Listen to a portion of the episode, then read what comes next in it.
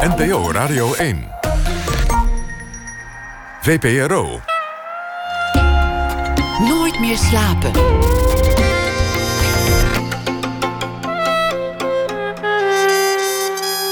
Met Pieter van der Wielen.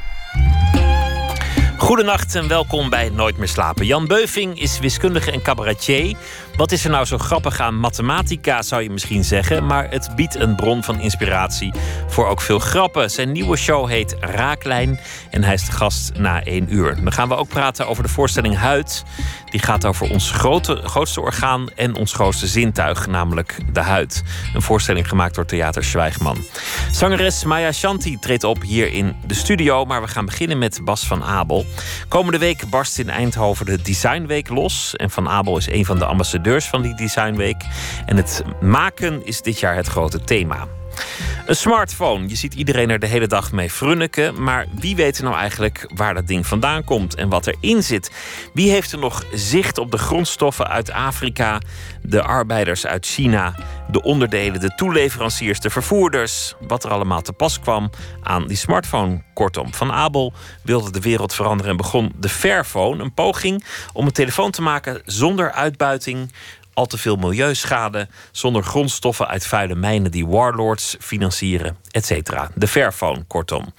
Er waren natuurlijk ook critici, die noemden het de Fairyphone, want die zeiden dat is een sprookje. Maar het was niet bedoeld als hobby.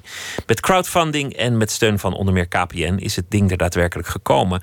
Al blijkt het toch niet zo makkelijk in praktijk om het helemaal goed te doen. Bas van Abel is geboren in 1977, deed ooit kunstacademie, werkte bij de Waag Society, een eh, verbinding tussen kunst en wetenschap. En hij is ontwerper en ondernemer. Bas van Abel, hartelijk welkom. Dankjewel. Voor we gaan praten over je leven nu, je missie en, en wat je allemaal op je pad vindt, is misschien leuk om het te hebben over uh, de man die je ooit was voordat die telefoon op je pad kwam. Geboren in 1977. Je ouders waren hippies, heb je wel eens gezegd. Althans, het was in ieder geval een vrijgevochten milieu waarin alles kon. En je ambitie was aanvankelijk om kunstenaar te worden. Oh, dat, dat weet ik eigenlijk niet. Ik had, ik had niet zo heel veel ambities eigenlijk toen ik jong was. Maar je kwam terecht op de kunstacademie met toch wel iets van een visie, naar ik aanneem. Ja, ja, maar toen was ik al, uh, was ik al rond de 20, denk ik. 19, 20 toen had ik wel een idee wat ik wilde, ja. Maar, uh, maar in mijn jeugd had ik, was het vooral lol. En uh, ik heb ook... Uh, ja, toen ik had mijn haven gedaan, ben ik mijn VWO gaan doen... omdat ik niet wist wat ik wilde. Na mijn VWO ben ik naar Spanje gegaan. En daar heb ik alles behalve Spaans geleerd. En toen ben ik ook nog een jaar gaan reizen met, met mijn vriendin. En toen ben ik was, had ik zoiets van... nou, nu moet ik toch wel, wel wat gaan doen. Er waren kortom in de, in de adolescentenjaren weinig tekenen dat je, dat je zo'n harde werker zou worden. Zo, dat je een ondernemer zou worden. CEO staat er op je kaartje zelfs, geloof ik. En dat je een wereldverbeteraar zou worden. Nee, nee, maar het, het, het grappige is dat ik, ik had. Uh, ik, ik had een paar dagen terug een mailtje van een eh, vriendin van mij gekregen... Die, waarmee ik ook in de klas heb gezeten op de middelbare school.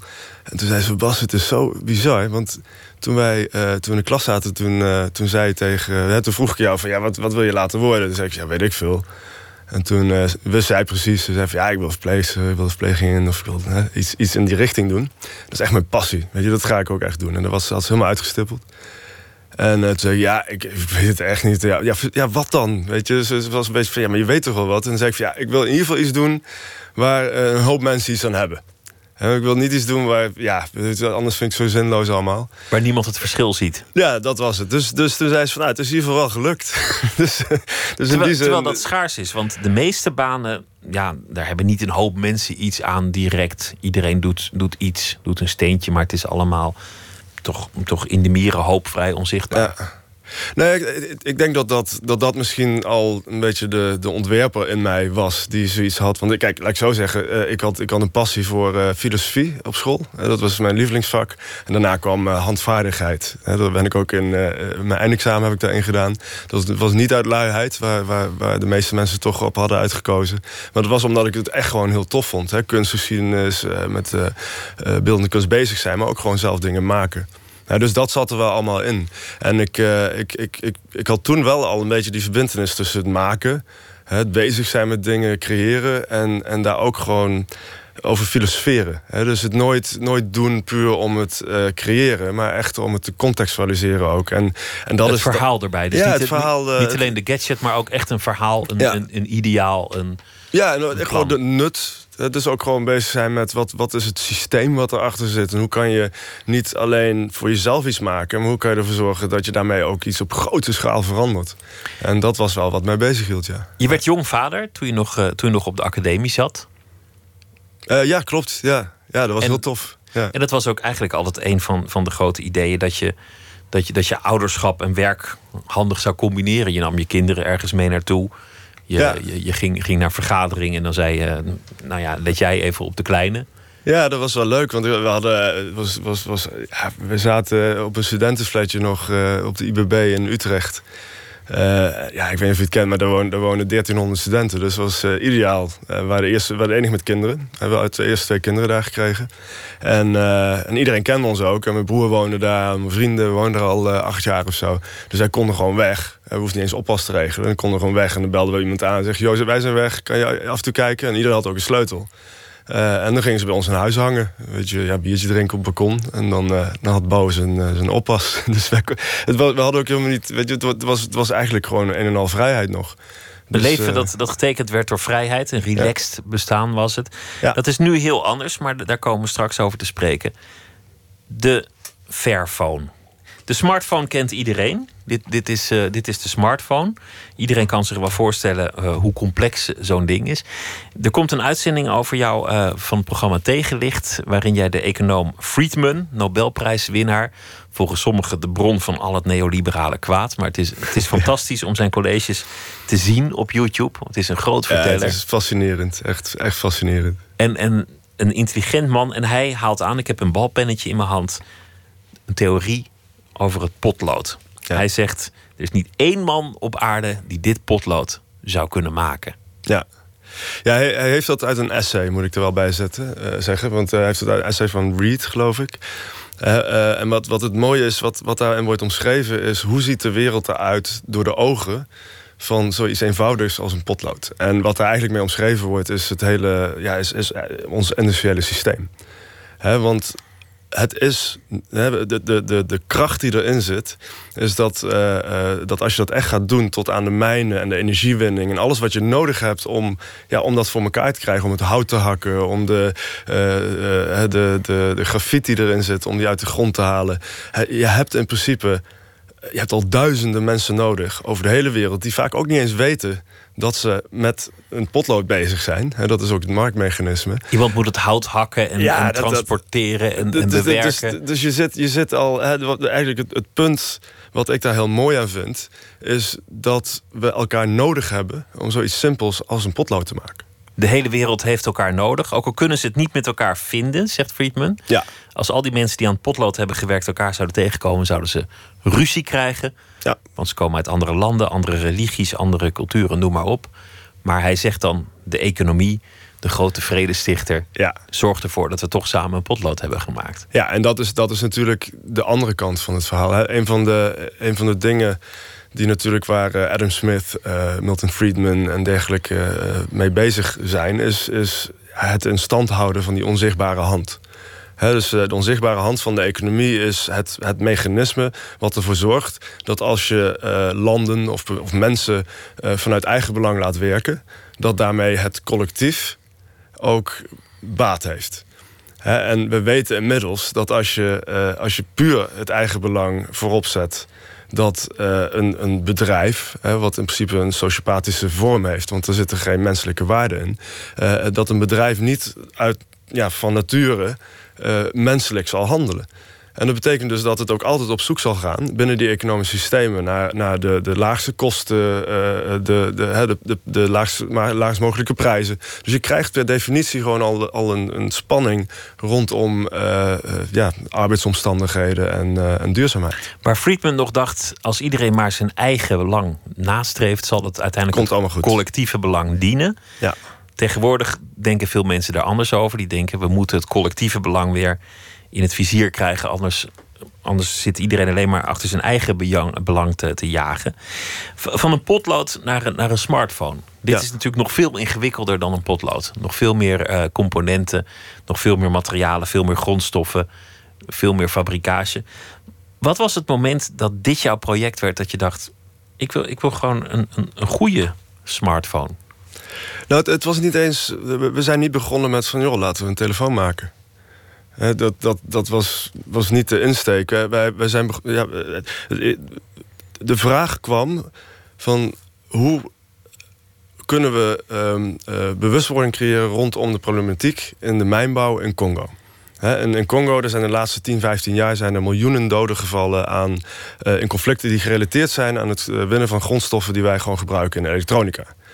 Hè, tin, tantalum, tungsten, wolfraam, eh, van alles. Goud. Ehm, maar ja, dat is, dat is nogal een, eh, een, een verwegistan verhaal, zullen we zeggen. We weten dat er ellende is in Afrika, we weten dat er doden vallen. Maar hoe, ja, wat is in godsnaam de relatie tussen mijn telefoon en wat daar gebeurt? En hoe kan ik daar iets aan doen als consument? Dus het was, was heel moeilijk om een campagne te bedenken... waarbij we eh, iemand konden aanwijzen die het verkeerd deed... of waarbij we konden zeggen, dit is de oplossing. Dus met mijn achtergrond zei ik van jongens, weet je, eigenlijk is het ook eenvoudig. Hè? eh, want we weten dat we in staat zijn om telefoons te maken, die zijn er.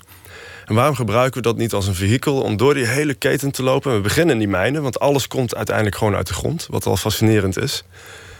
En dan gaan we stap voor stap er doorheen. En dan kijken we of we dat ook stap voor stap kunnen verbeteren. Door het gewoon open te breken, discussies te voeren met mensen... en te kijken wat zijn de dingen die we kunnen verbeteren op dat gebied. Maar op het grotere geheel kijken hoe kunnen wij als bedrijf binnen die economie functioneren... op een manier dat wij het collectieve en het individuele belang tegelijk proberen te behartigen. Want een telefoon wordt gemaakt van allerhande grondstoffen. Allerlei metalen zitten erin, ook andere stoffen die nodig zijn om die elektronica te laten functioneren.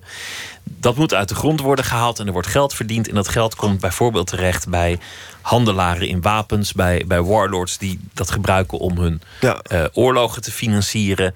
Eh, mensen worden uitgebuit in die mijnen. Er wordt enorme milieuschade toegepast. Dit, dit is al één aspect van, van de telefoon waar de gewone consument vaak geen zicht op heeft. Nee, nee. Kijk, een, een- een, telefoon is, is geen banaan. Of een cacaoboon. Of iets, hè, iets waar we een hele directe relatie mee hebben. En dat maakt het ook dat wij... eh, ja, dat, dat, dat ik zoiets had van... Joh, dit, dit maakt het voor mij des te interessanter om een telefoon te nemen. Want eh, mijn achtergrond zit hem voornamelijk ook in technologie. En om te kijken van hoe kan je technologie ook toegankelijk maken voor mensen... dat ze begrijpen hoe dingen tot stand komen. Eh, en even terug naar Milton Friedman. Eh, zoiets als een potlood is al zo complex dat we het niet alleen kunnen. Nou, als je dan naar een telefoon kijkt... dan is er niemand op de hele wereld, geen enkel individu wat weet... hoe je een telefoon maakt. En dat is ook het prachtige. Dat wij in staat zijn om dingen te maken die wij niet begrijpen. Als individu. Nou, en dat maakte dat een van de meest persoonlijke objecten die wij hebben, de telefoon, ook een van de meest vervreemde objecten is waar wij mee te maken hebben. Want we weten er niks van. En die paradox hem- die is, die is. Ja, Je kunt hem al niet eens openmaken. Ik heb dit nee, ding het is een blackbox. En, en er zit niet ergens een schroefje of een dingetje waar je hem open kan pulken om, om gewoon eens te kijken wat erin zit. Nee, nee dus, het is, dus in die zin, ik, ik, ik, ik heb eh, eh, ja, een van, de, een van mijn eh lijfspreuken is ook: If you can't open it, you don't own it. En dat, ja, dat heb ik een keer gelezen in een magazine, wat, een, een, een tijdschrift wat gaat over het, het maken van eigen, eigen dingen. Maar het klopt ook, want ik denk dat als jij een relatie wilt tussen dat product en mensen... en dat ze ook verantwoordelijkheid gaan nemen voor die producten... dat je ze ook als open systemen moet neerzetten. En dat mensen zich ook betrokken voelen... bij de totstandkoming van dat product... bij het in stand houden van het product. Want hoe langer je dat product gebruikt... hoe duurzamer het ook is. Alleen als je het, als, je het als, als een soort van zwarte doos neerzet... eh, als de batterij het niet meer doet... en je, je, ja, je, je gooit hem weg bij wijze van... en je krijgt een nieuwe van je provider... ja, hoe kan je verwachten dat mensen die verantwoordelijkheid nemen? Dus voor ons is het ook echt gewoon het, het, het ontrafelen van het product... en van die keten daarachter... door het product als uitgangspunt te nemen...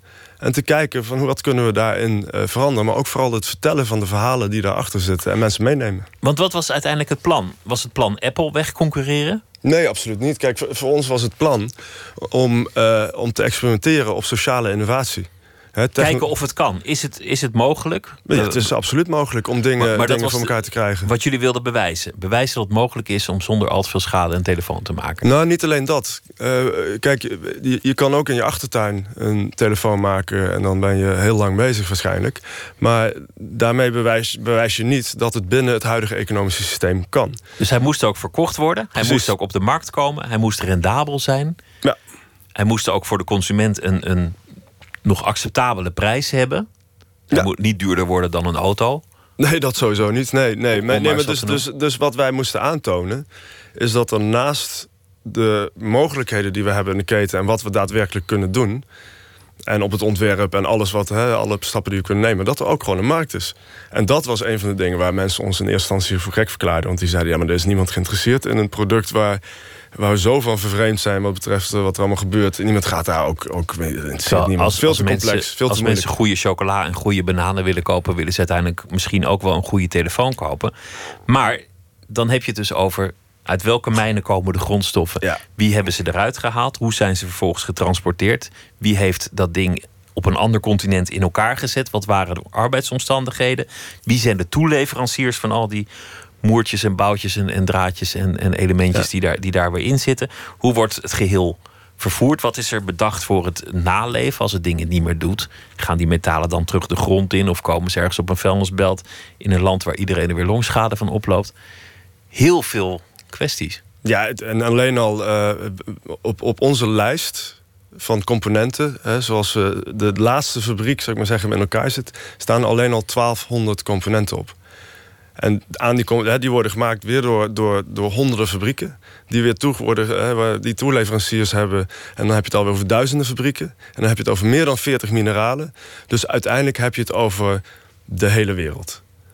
dus je weet, als je hieraan begint, je kan niet met een telefoon maken wereldvrede gaan stichten om hem eerlijk te krijgen dus wat je, wat, je, wat je doet is je kan. Het, het, heeft ook geen zin, denk ik, om constant maar op de problemen in die keten te blijven focussen en dat proberen op te lossen. Nee, je moet echt laten zien dat je het systeem van binnenuit kan veranderen door aan te tonen dat er wel degelijk andere waarden in die economische systemen kunnen worden geïnjecteerd uh, dan alleen maar dat kostensysteem. En als je dat aantoont, dan zullen anderen misschien meegaan. Of, of dan creëer je ruimte. Ja, dan creëer je ruimte. Want ik weet zeker als bedrijven uh, um, op een gegeven moment doorhebben dat er consumenten zijn die, uh, ja, die behoefte hebben aan transparantere producten, aan uh, betere omstandigheden, die bereid zijn daar ook voor te betalen, die bereid zijn producten langer te gebruiken dat bedrijven dan zullen volgen. Want dan krijgen ze ook die ruimte om daar binnen hun, binnen hun businessmodellen aan te werken. Eigenlijk gaat het je niet om de telefoon, want dat is maar één gebruiksartikel. Eigenlijk gaat het je om het hele economisch systeem, onze hele visie op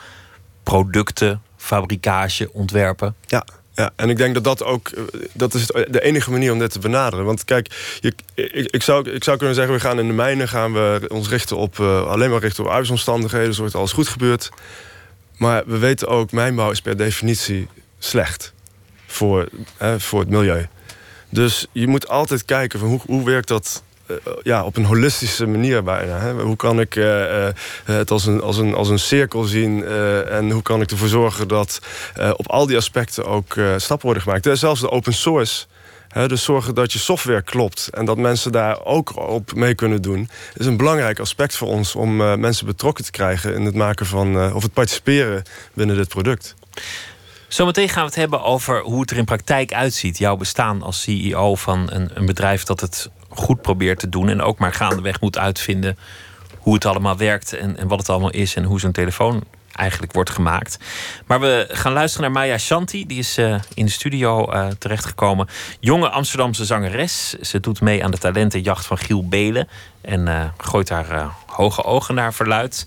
Ze acteerde ook in series als Bluff en Spanga's. Ze komt uit een muzikale familie. Speelt piano, trompet, zingt en speelt gitaar. En we gaan luisteren naar het eerste nummer dat ze speelt.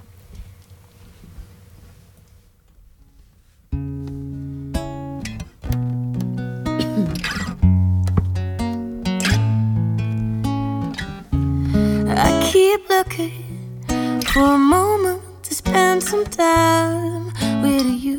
You give me goosebumps, baby. If you smile at me too, show me how you do and make your moves on me. I don't want you to leave. You make my heart beat. I can stand on my feet. So give a little, baby. Oh, give a little more. Give a little thing just so bring it on. Cause I need you. I need you. So give a little, baby. Oh, give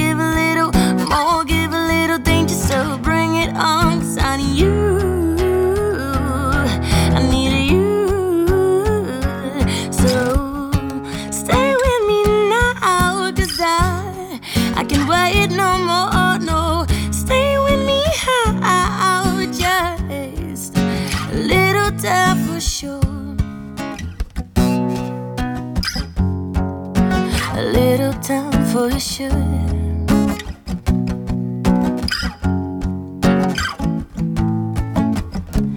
Give a little time to realize I'm your woman after night. So don't you worry no for danger. Cause I, I won't bite. Give me your hand and I'll show you what's below. You won't be able to leave, you'll be addicted to me.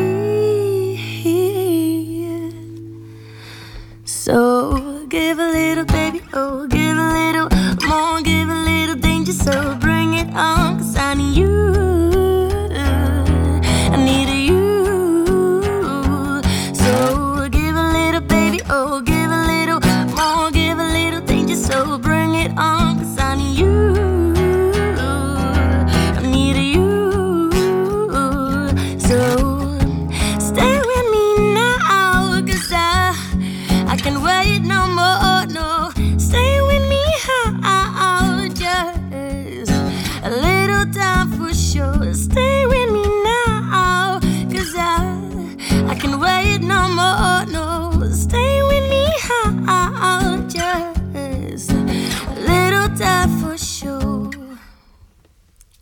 Maya Shanti hier in de studio. Zometeen zingt ze nog een nummer.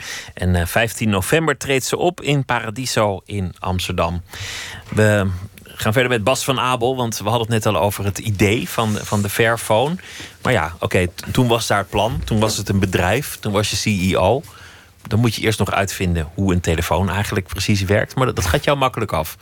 Je bent wel iemand die iets uit elkaar kan punniken en meteen doorhebben wat waartoe dient, volgens mij. Ja hoor, ja. Nee, ik, ik hou ervan om eh, dingen uit elkaar te halen en weer eh, en helemaal te ontleden en schroefjes eh, loshalen. En, ja. Dat was ook de aanvankelijke irritatie, zei je. Dat, dat het met zo'n telefoon helemaal niet zo makkelijk kan, dat uit elkaar mollen. Nee, nee, ik ben, ik ben onwijs zagrijnig geworden een keer dat ik, dat ik mijn zoon die heeft een, die had een Nintendo en die, ja, dat is echt een onwijs belangrijke asset voor een, voor een achtjarige jongen. Vooral als je, ja, als je veel reist en als je hem op de achterbank hebt en hij heeft zijn Nintendo niet, dan eh, kan je je voorstellen dat dat ook voor ouders wel prettig is. Dus dat ding was stuk en eh, ik wist wat er aan het messen was. Ik denk, ja, ik pak, dat, pak die Nintendo, ik, eh, dat schermpje deed niet. Ik denk van, nou, die, hè, dat zit een draadje los. Probeer het link los te schroeven en schroeven, schroeven. En op een gegeven moment zie ik allemaal van dat, ja, je, je kende wel dat zilveren stof omhoog komen. En ik wist op dat moment, ik heb die schroeven vernacheld. En dat betekent gewoon, als, je, als die schroeven stuk zijn, dan, ja, dan is er geen manier meer om hem op te krijgen. En dat, dat heeft me ook tot denken gebracht van, joh, waarom wil een fabrikant niet dat ik zo'n product openschroef? Want met een gewone kruiskop, dat, dat lukt Nee, niet. Dan moet je is- een speciaal Nintendo-tangetje hebben. En die heb je natuurlijk niet, want die krijg Nee, je inmiddels wel hoor, want ik heb Oh. dat ding tegen de muur gekwakt. En eh, uiteindelijk was hij, was hij stuk. Ik dacht van, ah ja, dat ga ik niet bij, mijn- bij mijn andere dochters. Die hadden ook een Nintendo, dus je laat me niet nog een keer gebeuren. Maar eh, nee, dat klopt. Hij, hij- ze, ze, ze ontwikkelen hem zo dat, dat de fabrikant degene is die hem open kan maken, mocht het nodig zijn. Want anders zijn er allerlei garanties en dit. Er zit een hele juridi- juridisch systeem zit erachter van, eh, ja, van angst dat, eh, dat de consument iets verkeerd doet met het product. En ja, dat, dat, dat wekt, eh, laat ik zo zeggen, het geeft weinig vertrouwen aan, aan de consument. En het geeft ook weinig verantwoordelijkheid aan de consument om ervoor te zorgen dat het product ook blijft bestaan. En het heeft ook een, een, een merkwaardige visie op wat bezit eigenlijk is. Ja, absoluut. Jij koopt een Nintendo, je hebt ervoor betaald. Het is jouw Nintendo en je mag hem niet eens mollen. Nee, dat klopt. Maar bezit is sowieso een apart iets natuurlijk... als je kijkt naar uh, hoe die keten in elkaar zit. He, want uh, want het, het economisch systeem is zo, zo ingericht... Dat, dat, het, dat het ruilen van jouw tijd uh, eigenlijk uh, ja, voor de tijd van al die mensen die hebben bijgedragen aan die potlood of die telefoon of wat het ook is. Dat, dat is hetgene wat plaatsvindt als jij hem koopt. Je hebt een, een dag gewerkt voor een seconde van de tijd van al die mensen op Ja, al die continenten. ja, precies. In, in En- al die fases. En die hebben, weet je, een besef dat die andere mensen nodig zijn om dat product tot stand te brengen, dat is er helemaal niet meer. Dus, dus het hele, wij wij zijn zo geïndividualiseerd dat we denken van ja, ik ben een consument, eindproduct, hij is van mij. Maar eh, eh, we voelen niet meer dat, dat, dat het iets is waar we, we eigenlijk de hele wereld voor nodig hebben, zodat jij op dat moment kan consumeren. En dat is, eh, weet je, dus, dus dat hele bezit, maar ook de verantwoordelijkheid van bezit. Ik, eh, in, het Engels heb je daar een veel beter woord voor, denk ik. Ownership is in, in dat opzicht anders dan possession. Of, of eh, het, het, het, het, ownership gaat ook over de emotionele band die je met een product hebt. En, en, en die verantwoordelijkheid die je er ook voor kan nemen. En ik denk dat daar een beetje de, ja, de, de kern ligt van wat wij proberen voor elkaar te krijgen. Dat mensen ownership voelen over de producten. En dat je zo ook een, een actieve houding ten opzichte van het product krijgt. Daar hoort ook verantwoordelijkheid bij. De- mijnen, daar, daar begon het. Want eh, voor een groot deel zitten er grondstoffen in. Je hebt vuile mijnen, je hebt schone mijnen. Er wordt uitgebuit. eh, geld komt op verkeerde plaatsen eh, terecht. Je, Ja. je steunt maffia of, of warlords. Nou zijn er allerlei organisaties mee bezig. En die hebben ook mijnen aangewezen. Waarvan zij zeggen, voor zover wij het kunnen zien... met een zeker voorbehoud, deugt deze mijn. Dus, dus dat probleem kon je nog oplossen. Je kon, je kon gewoon uit die mijnen de goede spullen kopen. Nou ja, kijk, in een land waar oorlog is... ehm, is het al bijzonder dat je mijn hebt eh, wa- waar Gewerkt wordt. Ja, waar gewerkt wordt en waar ze in ieder geval, in ieder geval economische activiteiten hebben. Want eh, heel veel eh, bedrijven zijn, zijn vanwege die conflicten ook vertrokken uit dat gebied. Ehm, maar er zijn ook gewoon mijnen waar mensen waar het wel goed gaat. En goed betekent dus dat er geen conflict aan, eh, aan gerelateerd is. Het betekent niet dat er geen kinderarbeid is. Het betekent niet dat de arbeidsomstandigheden ideaal zijn. Eh, dus eh, het is per definitie, als je kijkt naar eerlijkheid. ehm, eh, nu is eerlijkheid gedefinieerd als van oké, geen kinderarbeid, dit en dat. Dus we hadden ook naar Australië kunnen gaan en dan ga je daar mijnen. En dan zeg je, joh, die is eerlijker. Want dit en dat. Maar we hebben ervoor gekozen om dat in Congo te doen. Krijg je daar gratis bij kinderarbeid en eh, omkoperij en eh, rare praktijken met, met gouverneurs die in één keer de belasting zes, zeven keer zo hoog maken. En nou, dat, dat, is het, dat is het speelveld waar we voor gekozen hebben. Waarom? Omdat daar vindt, dit, vindt dat op dit moment plaats. En door daar aanwezig te zijn, kunnen wij ook die stappen maken ten opzichte van eh, eh, de mijnen die op dat moment het goed doen. Daar dus- valt iets te verbeteren. ja, valt heel veel te verbeteren. En dat, en dat, dat, dat zie je ook terug. Dat is niet eenvoudig. Maar vervolgens eh, de volgende fase. het moet gefabriceerd worden in China. Jij bent geen ervaren industrieel. Je gaat op zoek naar een, een werkplaats, een, een, een plek waar ze dat ding kunnen fabriceren. Als jij daar binnenkomt in China, je spreekt niet de taal. Je hebt, je hebt niet echt kennis van hoe Ja. zo'n fabriek in elkaar zit. Waaraan zie jij dan dat die fabriek deugt? Hoe weet jij dat? Dat, weet, dat weet je niet. Dus dus je, je- er zijn een aantal dingen waaraan je ziet, waaraan je voelt of het een fabriek is waar, je, eh, ja, waar mensen in ieder geval relaxed rondlopen. Kijk, als je kinderen ziet zitten met wasknijpers in de ogen, dan, dan, dan weet je dat het fout is, zit. Dat is in de elektronica-industrie is dat sowieso minder dan bijvoorbeeld in de textielindustrie. De elektronica-industrie ligt, de, ligt, ligt, ligt het wat, wat dieper in de, in de structuren tussen eh, het management en de, de werknemers. Hè, bijvoorbeeld, eh, eh, vooral in China, daar, daar heb je ja, de, de, vakbondsvrijheid is een probleem. Het, het kunnen onderhandelen met je, met je, met je bazen, het, het, het, het, kunnen ehm, gezamenlijk kunnen optreden. Dat zijn allemaal dingen die daar heel moeilijk liggen. Democratische verkiezingen in de fabrieken ook voor mensen. Vaak worden die, hey, is er wel een vakbond, maar dan worden mensen een beetje bij elkaar geronseld om één keer in het jaar een feestje te organiseren. Nou, daar, daar ligt de kern van de problematiek in China. En eh, dingen als overtijd, eh, onderbetaald worden, nou, die zijn er allemaal aan gekoppeld. Want als jij niet gezamenlijk uh, onderhandelingen kan voeren, dan is het ook heel moeilijk om ervoor te zorgen dat er een, minimum, dat er een goed minimumloon ligt. Maar jij bent niet de rechtstreekse eigenaar of uitbater van de fabriek, dus je werkt met tussenpersonen. Dan moet je iemand zoeken die je vertrouwt en dan zeg je: Ik ben bereid meer te betalen. Ja, daar komt het op neer. Dus wat we, we, hebben, we hebben op een gegeven moment uh, vanuit consumentenperspectief, en dat had ik zelf ook, was het gewoon heel simpel. We gaan gewoon meer betalen. En dan betalen we die, die mensen die, aan, op die aan die lijn zitten, die betalen we allemaal wat meer.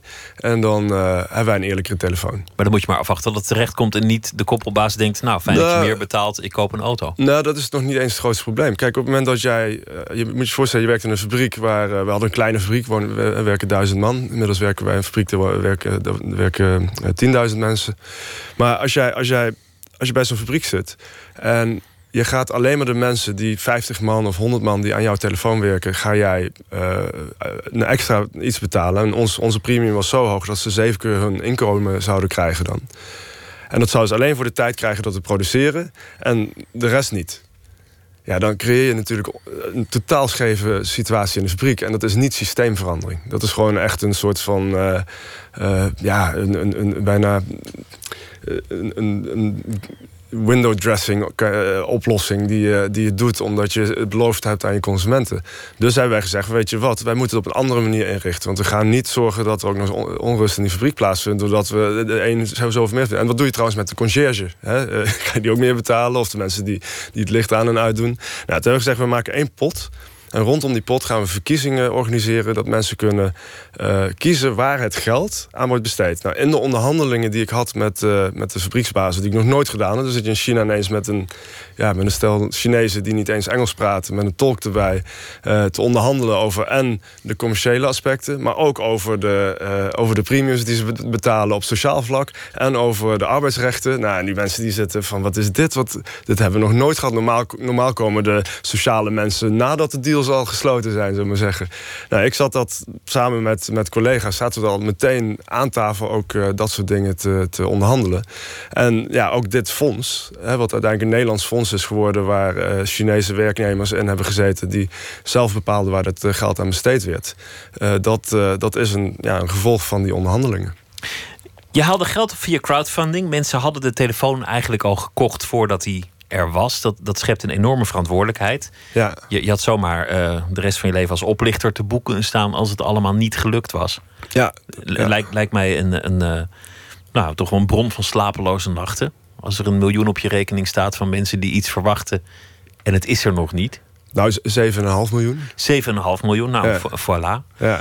Je hebt dan werknemers die, die voor hun broodwinning op jou aangewezen zijn. Ja. En je hebt te maken met partijen op alle continenten. En wat er nog eens bij komt, als je eenmaal hebt gezegd: ik ga het beter doen, dan zijn mensen natuurlijk heel erg bereid om te zien dat jij ook ergens fout zit. Ja. Ik kan me herinneren op, op social media, is niet, niet altijd een, een bron van verlichting, maar vooruit. dat iemand in, in een uh, tv-reportage had gezien dat jij een Apple-laptopje had. Ja. En meteen zei: Oh, ik hoef nooit meer iets met die van Abel te maken te hebben. Zie je wel. Uh, we, hebben, we hebben dingen gehad als we hadden, we hadden als, je, als je iets bestelde, dan kon je aanvinken man of vrouw. We hebben daar commentaar op gehad, want sommige mensen voelen zich niet man of vrouw. Wat ik me ook voor kan stellen hoor, maar daar denk je dan niet over na. We hebben uh, bij de levering hadden we een kaart erbij gedaan van een, gerecht van iemand in de fabriek die in China die het lokale ja, traditionele gerecht even als recept neer had gezet voor de mensen hier om een soort van connectie te maken. Nou, dat was een vleesgerecht. Dus we hadden mensen die stuurden terug. Die zeiden ja, verdomme, hoe kan je nou een eerlijke telefoon maken en dan wel met een vleesgerecht erin?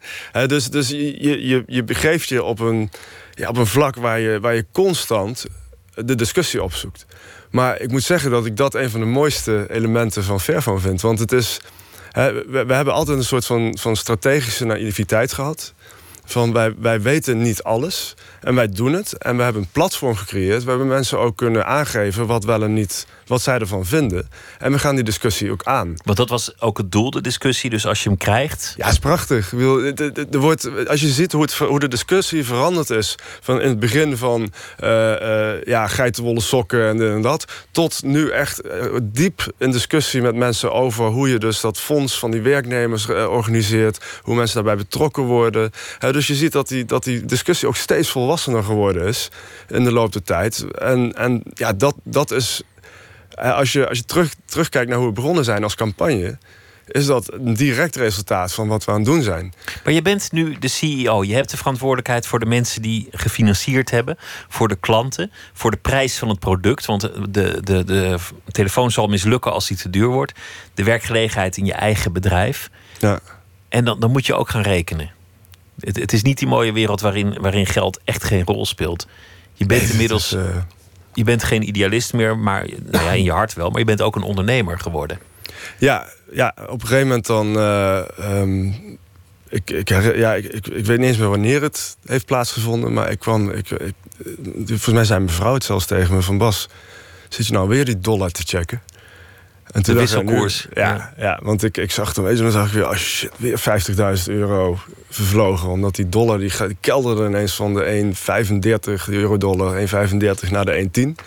Nou, ik zag het geld wegvliegen en ik, en, en ik was helemaal, helemaal, ja, dat was mijn wereld geworden.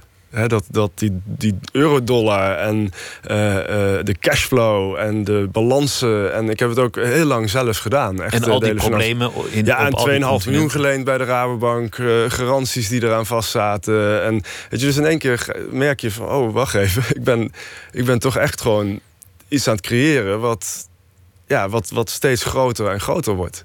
En dat, dat voel je. Dat voel je echt. En dat gaat het dus niet om, dat, om die financiële verantwoordelijkheid alleen.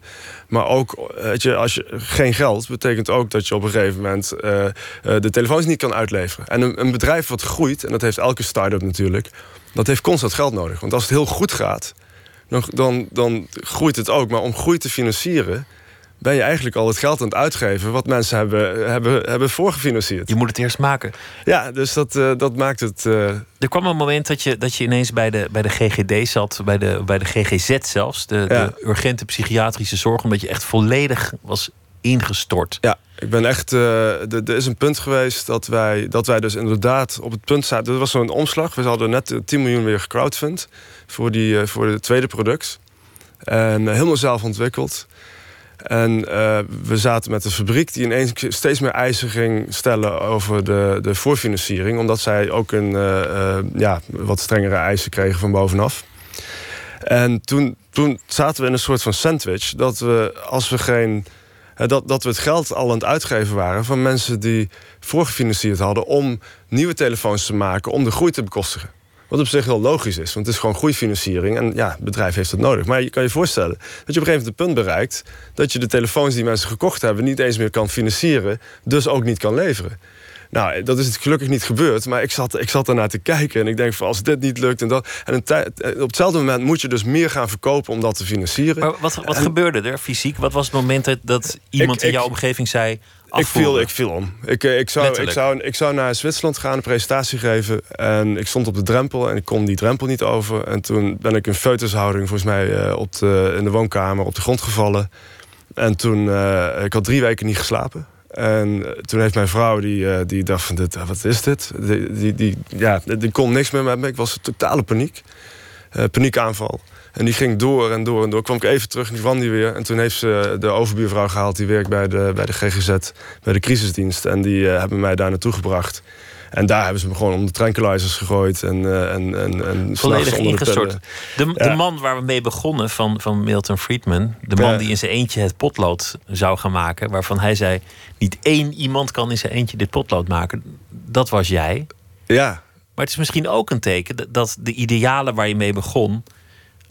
in praktijk niet meer zo'n grote rol speelden. Je, je was aan het kijken naar wisselkoersen. ja, Je, je, je was aan het kijken naar werkgelegenheid. Gewoon, gewoon, gewoon ook hele nobele, ja. nuttige dingen. Maar misschien dat in praktijk het wereld verbeteren. Misschien dat je lichaam op, op een acute manier zei: dit niet. dit niet. Nee, maar dat heeft. Kijk, de, de, ik wil hier wel het onderscheid maken tussen, tussen mijn eigen situatie. en ehm, wat het bedrijf op dat moment aan het doen was. Hè, want er was een heel groot. wel op de goede weg. Een heel groot deel van het bedrijf was natuurlijk was gewoon bezig met die sociale projecten en alles. Dus dat liep allemaal als, als een tierenlier. We, we, we wonnen de ene naar de andere prijs. Maar ik, ik, ik, ik zat in die hoek van financiële verantwoordelijkheid... en, en eh, als enige bestuurder ook in het bedrijf... wat inmiddels eh, zo'n 20 miljoen omzet draaide. Ja, en, en ja, dat, dat ging ik voelen. En dat was een persoonlijke confrontatie die ik had. En een soort van vervreemding inderdaad van mijn eigen, eh, eh, waarmee ik begonnen was. En ik, ik zie er achteraf zie ik er ook wel een soort van de ironie van in. Want wat, wat er letterlijk gebeurd is, is dat ik door, het systeem wat ik, wat ik zo graag wilde veranderen, ook eh, in de strijd ben gebeten. En dat ik ook voelde hoe dat economisch systeem in, een, in, een, in een zakelijke context eh, ja, toch, toch impact heeft op, je, op de manier waarop je, waarop je gaat functioneren. Want wat je ook zei, dat je, dat je altijd je kinderen meenam en dat, dat, je, dat je ook een soort werkende huisvader was. Dat, Ja. dat was inmiddels al niet meer. Nee, het was, kijk, ik werkte sowieso heel veel. En, en ja, het is. Kijk, op een gegeven moment kregen wij de prijs van, voor de snelst groeiende eh, technologie-startup van Europa. En toen kregen we even besef van, oh, dus dat is het wat ik constant voel. we zijn, weet je, dus wij, wij, raceten alle technologiebedrijven die in Europa op dat moment, eh, die gelijk met ons ges- gestart waren, die raceten gewoon voorbij. Er zijn huwelijken om minder geklapt. Oh nee, dat, dat, de relatie was echt. eh, Dat, dat heeft nooit geleden onder deze situatie. Het was echt puur, puur mijn eigen worsteling. Maar het is een impertinente vraag, maar ik, ik vraag het omdat dat het zo wonderlijk is dat, dat je eigen leven zo radicaal veranderd is. Dat, dat, Ja. dat, dat wat je ooit voor ogen had, van dit is het bestaan dat ik wil leiden, dat er eigenlijk heel weinig van over was. Gewoon in je persoonlijk leven, in de manier waarop, waarop je je dagen vulde. Ik vraag het me af. Want, want als ik, eh, ik. Ik zat er te veel in om in te zien dat ik nog steeds eh, onderdeel was, zelf, hè, want die afstand heb ik inmiddels kunnen nemen, van datzelfde experiment wat we aan zijn gegaan met, met, met het opzetten van het bedrijf. Ik zie er nu ook wel de, de, eh, ja, de mooie kanten van in, van wat er gebeurd is. En, en de lessen die je daaruit kan halen. En ik, ik bekijk het ook meer als een ontwerper of kunstenaar van een afstand die denkt van ja, maar dit is, dit is ook onderdeel van waarom we dit gestart zijn. En, en dat, dat, dat is op een veel dieper niveau, een soort van spiritueel niveau zou ik maar zeggen, eh, eh, eh, wat, ja, wat ik uit deze hele situatie heb gehaald. Wat er te leren viel. Ja. Maya Shanti is weer eh, aangeschoven en met haar gitaar en ze gaat eh, het tweede nummer zingen. Wat is de titel van het, eh, van het nummer? De nummer heet This Ain't Love. Ga je gang.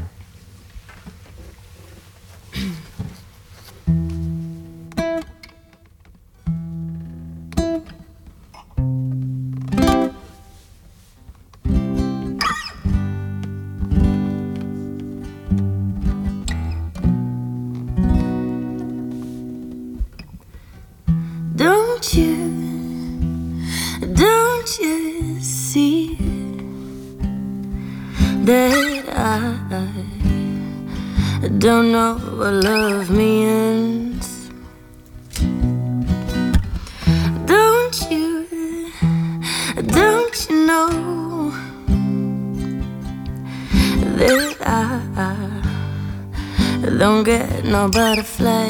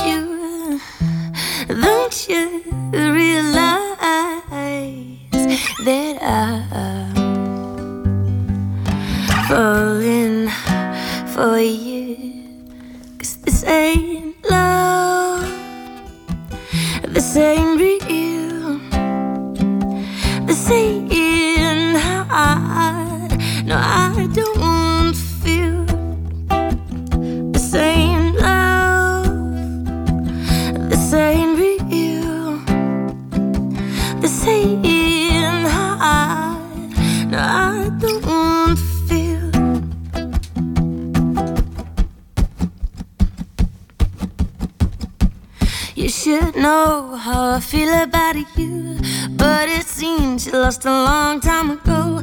You hold your hands against your eyes, no need for a butterfly. So would you give it up? So would you take it all? So would you fake it all, cause I can fake no more, no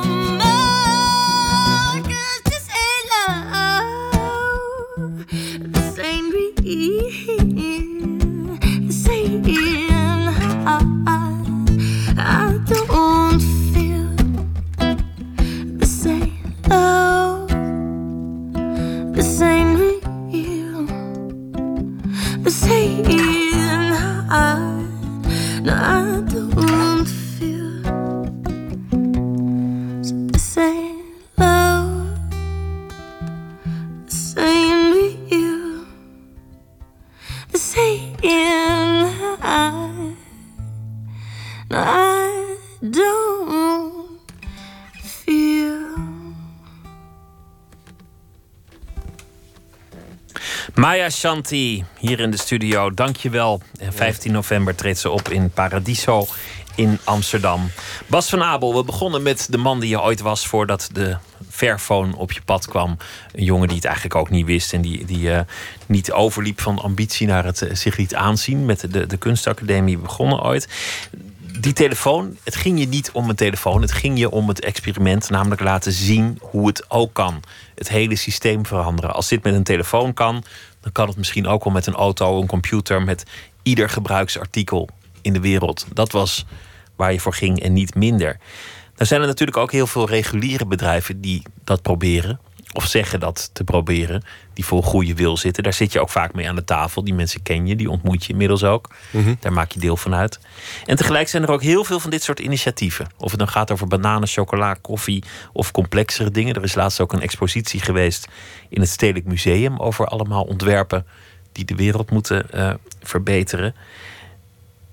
Hoe ben je daarover komen te denken? Hoe is dat systeem te veranderen? Want het geldt eigenlijk voor alles. Dat je, dat je als het met een potlood al niet lukt, dat je helemaal geen zicht hebt wat je eigenlijk koopt, waar het vandaan komt en wat, wat je berokkent door dat ding aan te schaffen.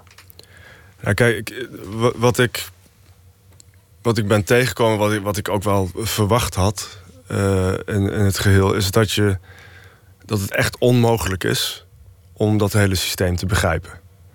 Om, om, te doorzien wat je koopt. Als je, als jij, als je een, een telefoon ga je nooit 100% transparant krijgen. Omdat dat namelijk de kracht van ons economisch systeem zorgt, zorgt ervoor dat het überhaupt mogelijk is om zo'n telefoon te maken. En dat gaat dus om het feit dat er duizenden fabrieken verbonden zijn met elkaar die in een dynamisch geheel uh, ervoor zorgen dat, dat, uh, ja, dat de ultieme combinaties worden gemaakt, dat het ding er komt. En dat, dat, ja, dat moeten we accepteren.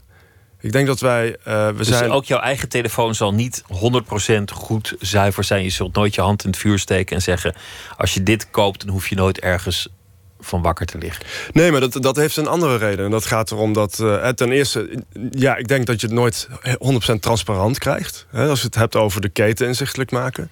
Um, het kunnen begrijpen van die keten. Maar ik denk ook dat, dat kijk, eerlijkheid is, een, is, een, is eigenlijk op een filosofisch niveau uh, uh, te bediscussiëren. Hè? Want uh, niet, ja, het is per, per cultuur anders, het is per individu anders. En dat maakt het ook iets wat constant moet blijven. ja, wat je, wat je constant moet blijven bediscussiëren ook.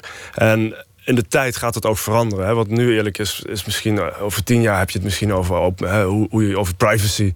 En dan hebben we het alleen nog maar over hoe zorg je dat het ding zo eerlijk mogelijk is naar de consument. Nou ja, laten laat het begrip eerlijk, dat is, dat is inderdaad ingewikkeld en, en subjectief. Ja, maar, maar die dan... transparantie die krijg je, die, je gaat nooit volledig inzien. Je gaat je eigen keten nooit volledig in kaart brengen.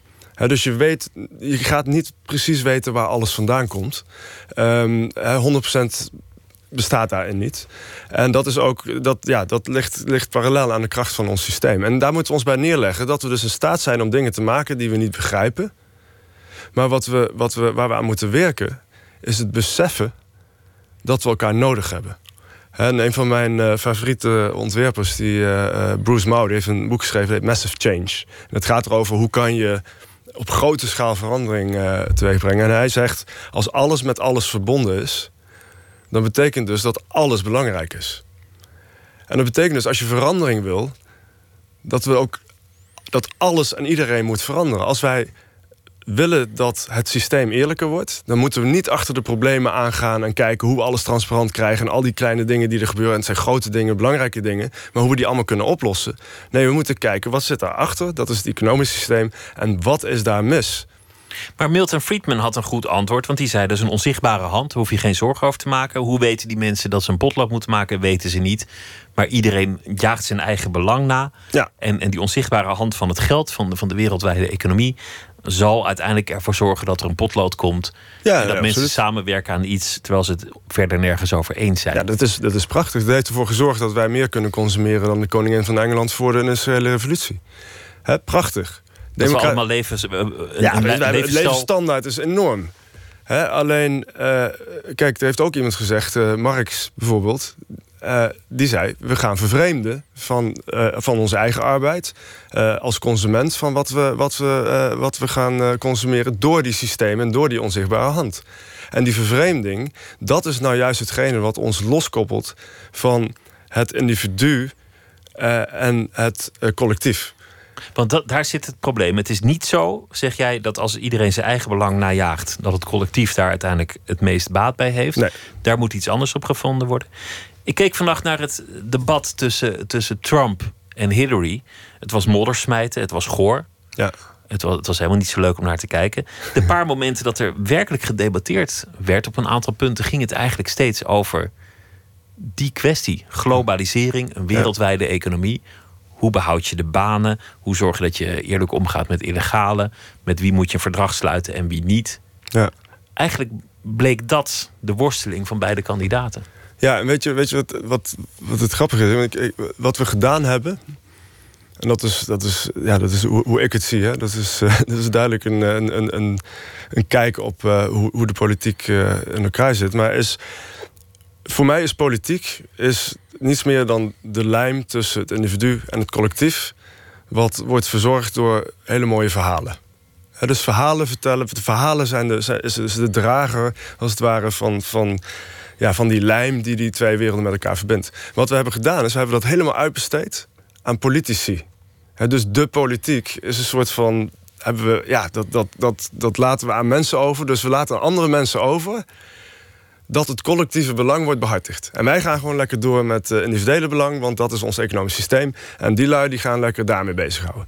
En dat is natuurlijk eigenlijk heel raar. Want Wat Trump ook zei, hè? want het, het verwijt van Hillary was: jij hebt goedkoop staal laten komen om jouw Trump Tower hier in Las Vegas eh, te bouwen en ook op andere plekken.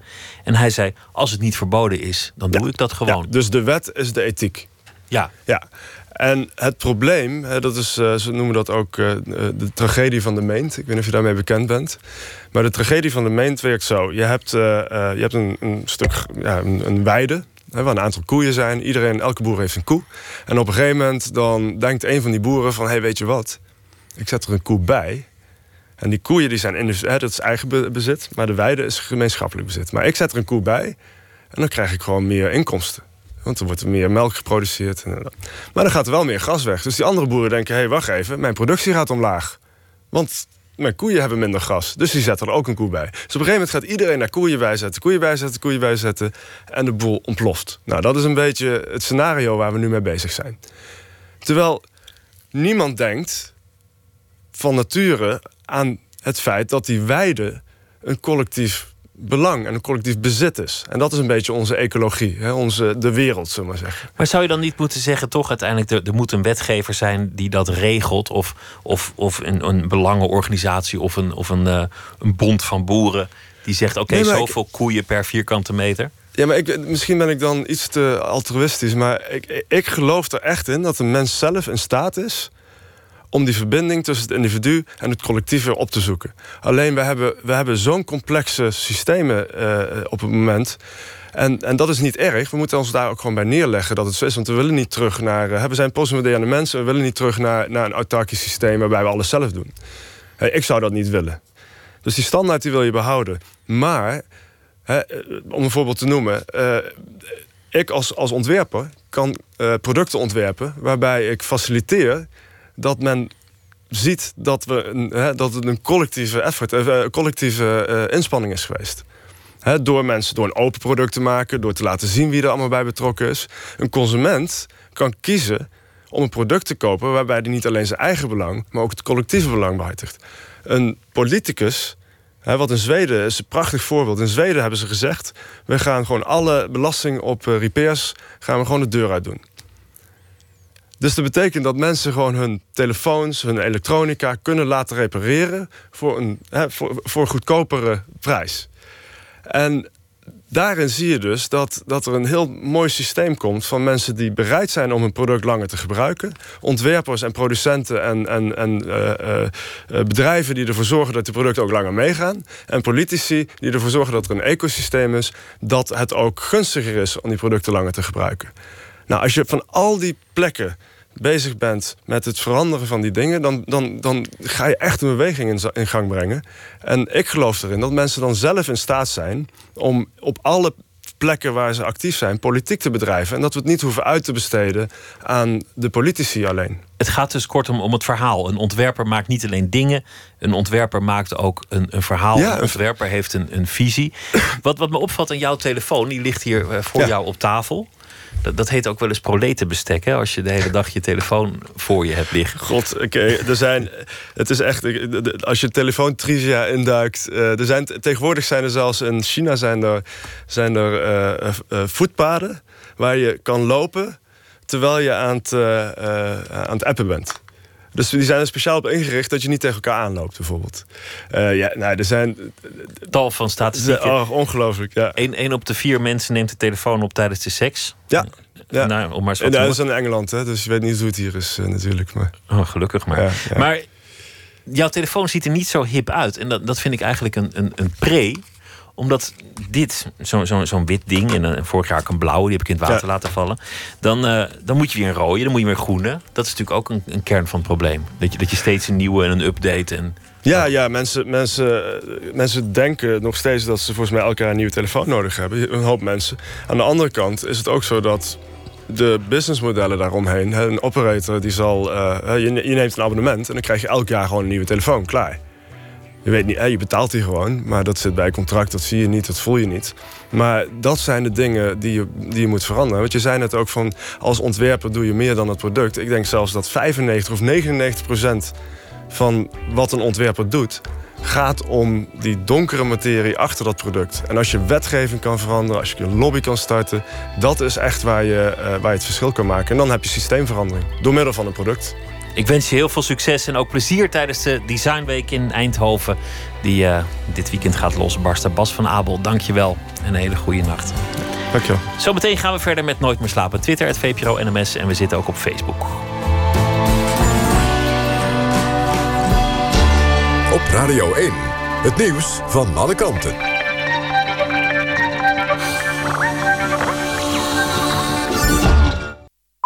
Het is 1 uur, Waterwalgemoed met het NWS Journaal. De Braziliaanse justitie heeft 21 bestuurders van mijnbouwbedrijven... aangeklaagd voor doodslag en ernstige milieuvervuiling... vanwege een ramp in het zuidoosten van het land. Daar begaf bijna een jaar geleden een dam van een ijzerertsmijn het... waardoor een dorp werd overspoeld met giftig afvalwater. 19 mensen kwamen om, honderden kilometers rivier en oevers raakten vervuild. Volgens de aanklagers wisten de bestuurders dat de dam op breken stond... maar vonden ze het winnen van de ijzererts belangrijker. De meeste verdachten komen uit Brazilië zelf. De Walen blijven zich verzetten tegen het CETA-handelsverdrag tussen Europa en Canada. De Waalse regering verwerpt ook de laatste voorgestelde aanpassingen. Als Wallonië tegen blijft, kan het verdrag met Canada niet doorgaan. Komende ochtend onderhandelen de Walen opnieuw met een Canadese delegatie. En ook op de EU-top in Brussel wordt er gesproken over manieren waarop de Walen kunnen worden overgehaald. Wallonië is bang voor concurrentie uit Canada. Zo zouden Walse boeren minder voor hun producten krijgen als het verdrag doorgaat. Pieter van Vollenhoven pleit op Twitter voor een debat over een totaalverbod op vuurwerk.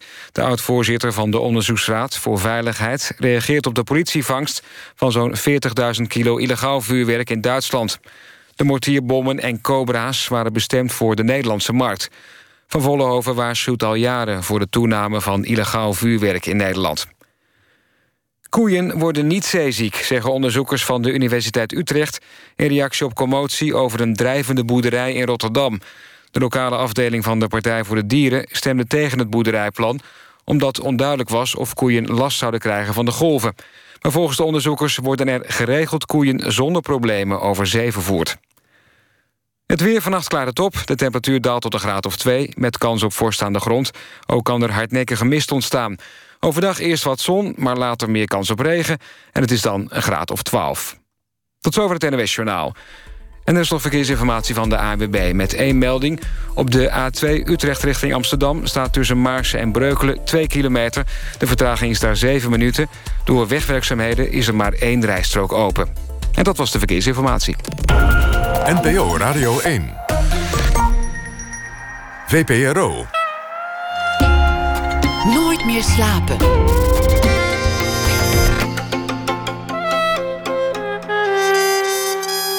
Met Pieter van der Wielen. Theatergezelschap uh, Zwijgman uit Utrecht maakte samen met Slagwerk Den Haag een voorstelling over tastzin en contact maken. Huid is daarvan de titel. Straks hoort u een gesprek met de makers over hoe je zo'n onderwerp te lijf gaat. Jan Beuving komt op bezoek, wiskundige, tekstschrijver en cabaretier. En hij heeft een nieuwe show met als titel Raaklijn. En het is uh, de week van de Frankfurter Boegmessen, de grootste boekenbeurs ter wereld. Nederland en Vlaanderen zijn dit jaar gastland. En een van de aanwezige auteurs is Ninja Weijers bezig de internationale markt te veroveren. Haar eerste boek heet De Consequenties. En deze week zal ze elke nacht een verhaal voordragen over de voorbije dag. Ninja, hoe is het in Frankfurt? Ja, goed. Ik zit momenteel op een stoepje uh, in de kou. Het is hier heel koud. Um, uh, en ik ben even naar buiten gesneakt, want ik was op een heel luidruchtig uh, feestje van het, van het, van het Nederlands Letterenfonds. Dus die gaf een groot feest. Dus met alleen maar Nederlandse genodigden of uh, alle nee. nationaliteiten door elkaar?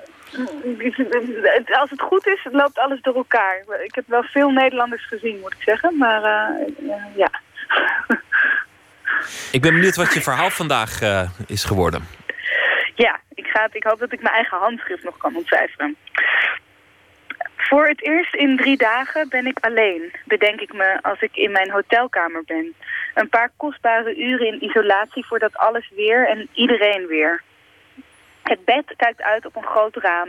Het raam kijkt uit over de skyline van Frankfurt. Die bestaat uit vijf hoge torens. Een kegel, een halve cirkel, een blokkendoos voor grote mensen. De lucht wordt diep blauw en dan zwart. De lichtjes in de toren schieten aan. Niet één voor één, maar allemaal tegelijk. Aan zoiets komt geen mensenhand te pas. Mijn gezicht voelt nog stroef van de tv-schmink. Wanneer ik een vinger langs mijn wang haal, kleeft er een oranjeachtig residu aan. De mensenmassa op de beurs wordt met de dag dikker en minder goed doordringbaar.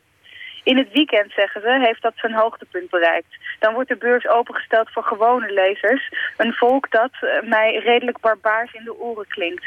Roltrappen lopen vast, mensen worden in busladingen over het terrein gevoerd. Iedereen grist naar goodiebags, naar eten, naar folders, folders, folders. Buiten, op de grote binnenplaats van de beurs, staat een gammele partytent. Down with the Islamic regime of Iran staat er in grote witte letters op een rood bord. Ik krijg een flyer in mijn hand gedrukt waarop van alles te lezen is over de doodstraf en de politieke gevangenen in Iran. Een goed geschreven, genuanceerde uiteenzetting die me aangrijpt, zoals ook de voorgelezen brief van de gevangen Turkse schrijfster Asli Erdogan me aangreep tijdens de openingsceremonie twee dagen geleden. Een Nederlandse uitgever vertelt me over een Turkse uitgever... die iedere dag de gevangenis bezoekt waar een van zijn auteurs gevangen zit. Samen met Asli Erdogan. In het NFL Handelsblad van vandaag lees ik over een andere Turkse uitgever... die ontkent dat er überhaupt Turkse schrijvers en journalisten vastzitten. Als ze al vastzitten, zegt hij, dan is het omdat ze iets anders op hun kerfstok hebben. De wereld is een puinhoop van op elkaar botsende stemmen, soms fluisterend, soms schreeuwend. Op mijn telefoon lees ik dat Trump nasty woman in de microfoon siste tijdens de laatste debat. Op mijn telefoon lees ik dat Trump nasty woman in de microfoon siste tijdens het laatste debat van de triestige klucht van de Amerikaanse verkiezingen. Ik zet mijn telefoon uit, sluit het gordijn, mijn ogen. Heel even voordat alles weer begint. Vanuit Frankfurt, waar ook het eh, wereldnieuws gewoon aankomt tussen alle literaire bedrijven toe. En uh, wat is dat? De nachttram die vertrekt? Of, uh... Ja, dat zijn allerlei op elkaar botsende taxis momenteel. Oh ja, ja het, het, nachtleven loopt ook daar langzaamaan uit. En dan uh, is Ja. het druk voor de taxis. Ninja Weijers, dankjewel. En een eh goede nacht. Tot morgen. Dag. Na twee niet heel succesvolle platen met covers is Macy Gray helemaal terug met een nieuw album, My Way. Tien fonkelnieuwe liedjes, waaronder deze I Try.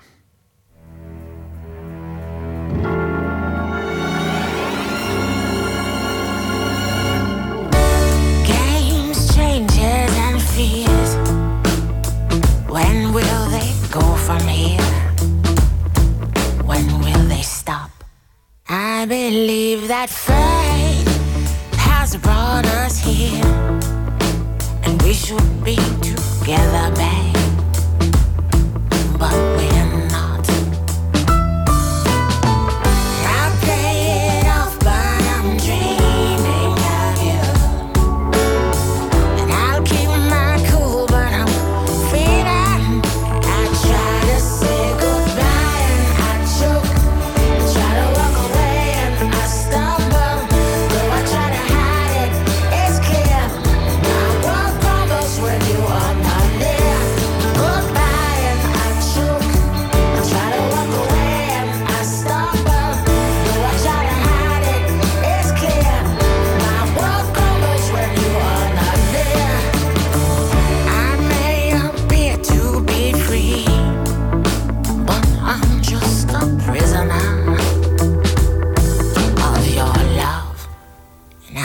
may seem alright and smile when you leave, but my smiles are just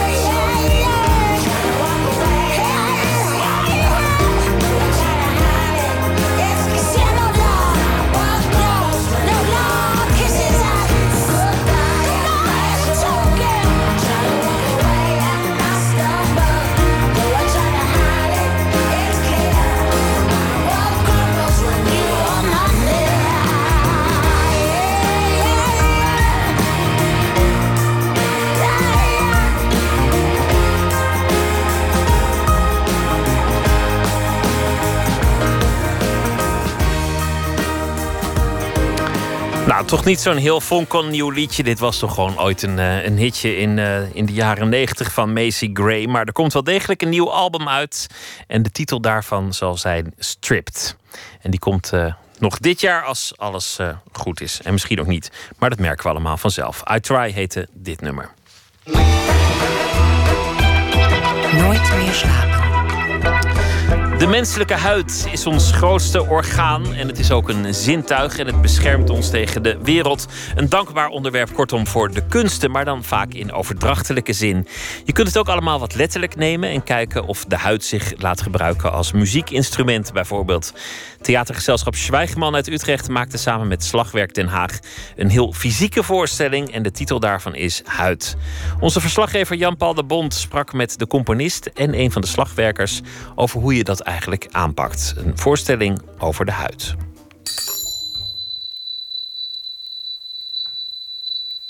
Hoe zou het kunnen klinken als je huid werkelijk zou kunnen afstropen en daar iets van kan gaan maken. De kostuumontwerpster Esmee heeft daar geweldig uh, vondst voor gedaan. Die ook, vind ik, klanktechnisch heel prachtig uit de verf komt. Componist Arnoud Noordegraaf geeft eigenlijk al te veel weg. Maar de voorstelling opent inderdaad tamelijk plastisch. Met iemand die door drie slagwerkers van haar huid wordt ontdaan. Van die huid kan je namelijk in no time drie trommels maken.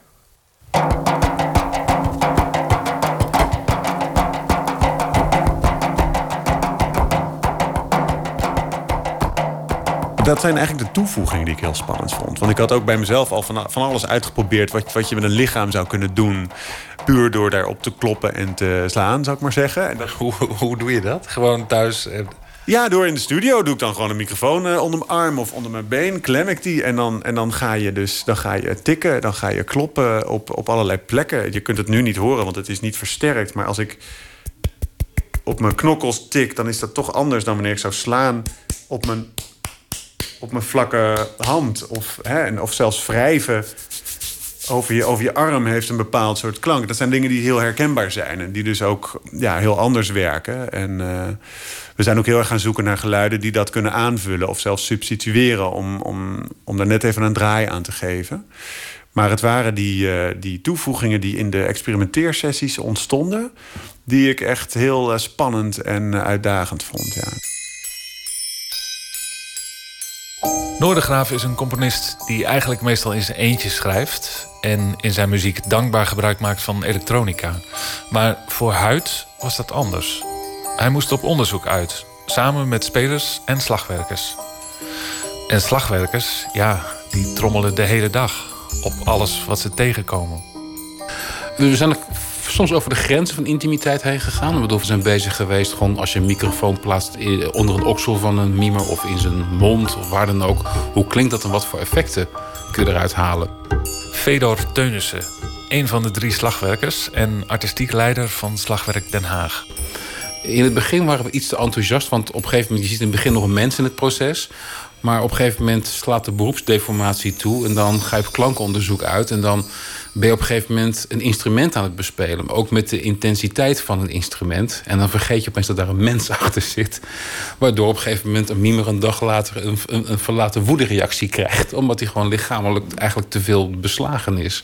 Hoe klinkt een lichaam eigenlijk? Um, nou, ja, dat ligt helemaal aan de positie van de microfoon en waar je opslaat. Maar er zijn, je, je bent, in, die zin is het, is het ook gewoon een, zijn het natuurkundewetten. Je, je bent op zoek naar holtes. Dus natuurlijk een, een holte resoneert. Dus je bent op alle mogelijke manieren bezig om een microfoon en een holte te zoeken. Dan een, een, waarschijnlijk een, een hard stuk bot te vinden in het lichaam, waardoor die holte gaat resoneren. Nou, wat me vooral verrast eigenlijk is wat je ziet, het verschil in klank tussen de verschillende spelers dat heeft me nog het meeste verrast. Dat echt elk lichaam anders klinkt. Uh, Toon, een van de mimes, is, is vrij bottig. Ja, dat lichaam klinkt ongelooflijk. En daar kun je, zoals glissandi uithalen. En op elke plek in zijn lichaam klinkt eigenlijk goed. Hij is er eigenlijk voor gemaakt. laat ik het zo zeggen. Terwijl iemand die weer meer vlezig is, daar klinkt die huid misschien weer iets beter. Je hebt ook te maken met de textuur van de hand. Huid, iemand heeft bijvoorbeeld een drogere huid, dat, dat hoor je gewoon beter, het wrijven. Dus, dus, dus je komt wel eigenlijk erachter dat elk lichaam wel een uniek geluid heeft. Dus dat vond ik wel een, on, ongelooflijk mooie, mooie ontdekking. Je moet je voorstellen dat je ook niemand van deze spelers, zeker muzikanten, zou kunnen vervangen. Dat, dat kost heel veel tijd. Uh, tijd die we hebben geïnvesteerd in het elkaar uh, vertrouwen.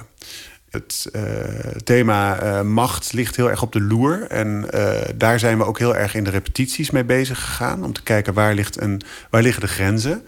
Die ook echt opzoeken zodat je dat van elkaar weet. En zodat je elkaar respecteert. En ook weet, ja, letterlijk gezegd, hoe hard kan je iemand slaan. En wanneer is het te zacht wat je doet. maar ook ehm, ja, hoe voel je je behandeld als iemand jou optilt, vastpakt, eh, betrommelt of op een andere manier je lijf heel fysiek gebruikt om muziek te maken. Uh, dus dat is een, dat is een heel delicaat uh, spel van eh, inderdaad een soort machtsverhouding, maar eigenlijk ook eh, is die mogelijk omdat het heel uh, familiair geworden is. Ze vertrouwen elkaar. Ze zijn echt een beetje elkaars familie daar op het, op het podium. En dan mag er ineens veel meer dan wanneer je, dat niet, dan wanneer je iemand niet goed zou kennen. Daardoor is het eigenlijk ook herhaalbaar, zou je kunnen zeggen.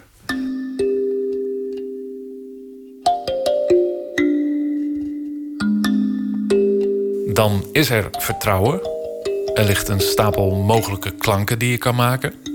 Maar dan heb je nog geen compositie. Laat staan een voorstelling. En zoals Noordegraaf zelf al zegt, huid is een voor de hand liggend veelgebruikt thema. Wat was zijn insteek?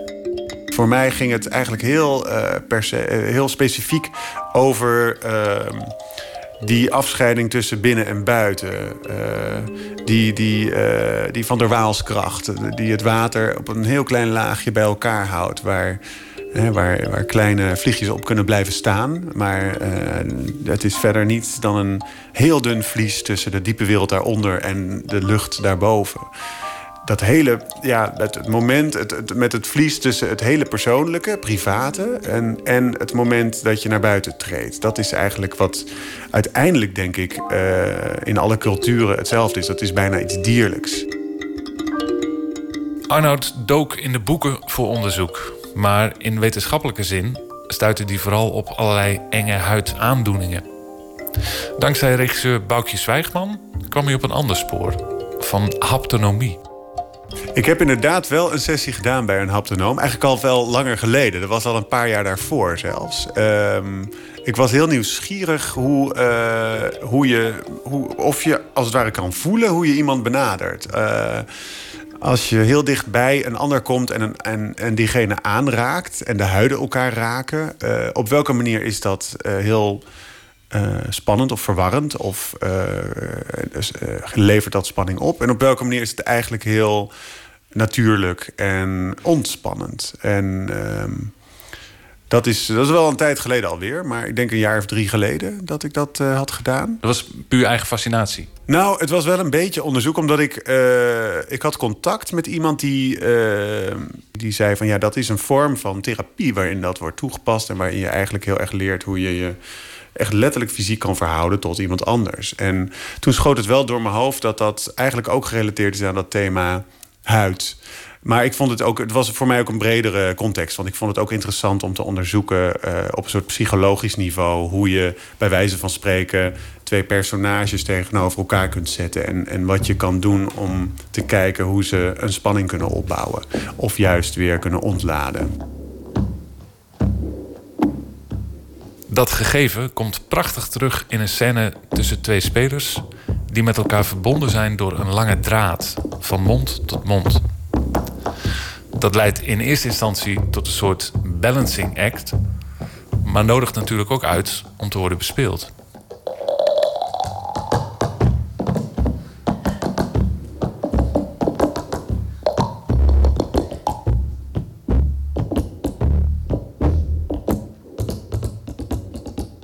Wat me daar heel erg aan intrigeerde was dat we een instrument begonnen te bouwen met hulp van mensen, hè, met hulp van spelers. Ik ben ook bij de slagwerkstudio in Den Haag eh, onderzoek gaan doen met hun naar verschillende soorten draden, snaren, touwen. Wat zou je dan het beste kunnen gebruiken? Welke kan je met een strijkstok aanstrijken of juist niet? Of welke tokkelen lekkerder? Uh, wat voor geluid krijg je daaruit? En hoe moet je met je microfoon omgaan om dat ook nog mooi te kunnen uitversterken? Al die factoren Ehm, dan heel technisch onderzoeken. Maar wel iets wat als beeld, gewoon fotografisch, vind ik het een prachtig beeld. Omdat het uh, zo'n lijntje is tussen twee mensen. Wat meteen een, een hele heldere uh, psychologie oproept. Maar zo ongelooflijk uh, praktisch gebruikt wordt als instrument. Dat dat bijna ja, vrolijk ontluisterend gaat werken. Je wordt bijna verrast eigenlijk door de invulling die jij al maakt in je hoofd van het beeld.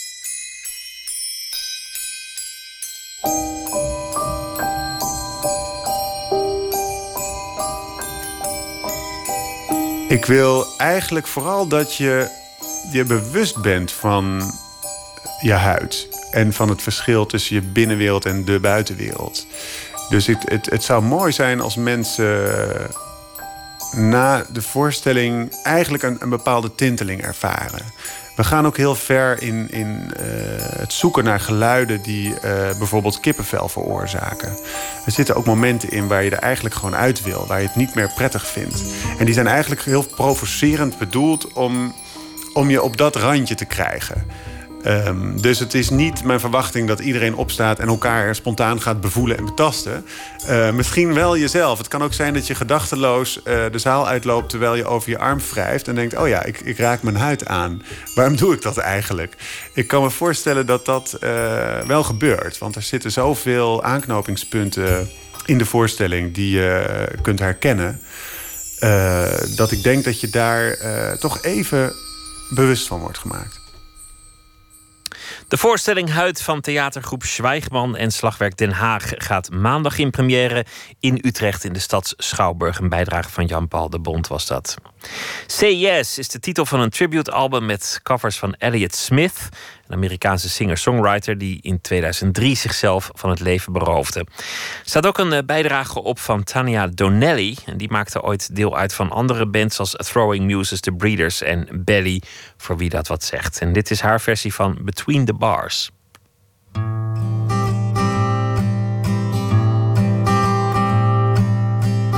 Drink up, baby. Stay up all night with the things you could do. Won't, but you might. The potential you'll be that you'll never see. The promises you'll only make.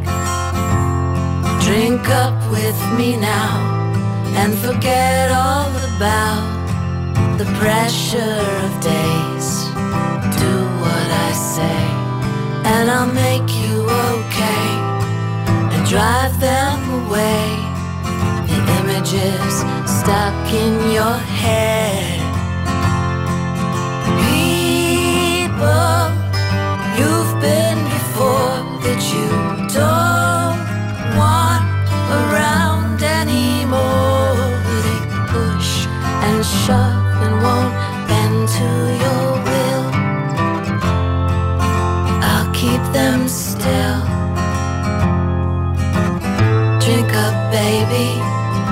Look at the stars.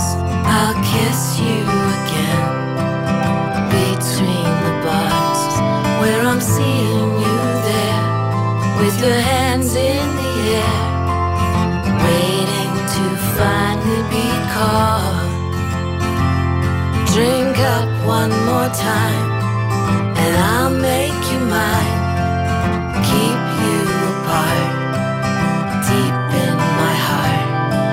Separate from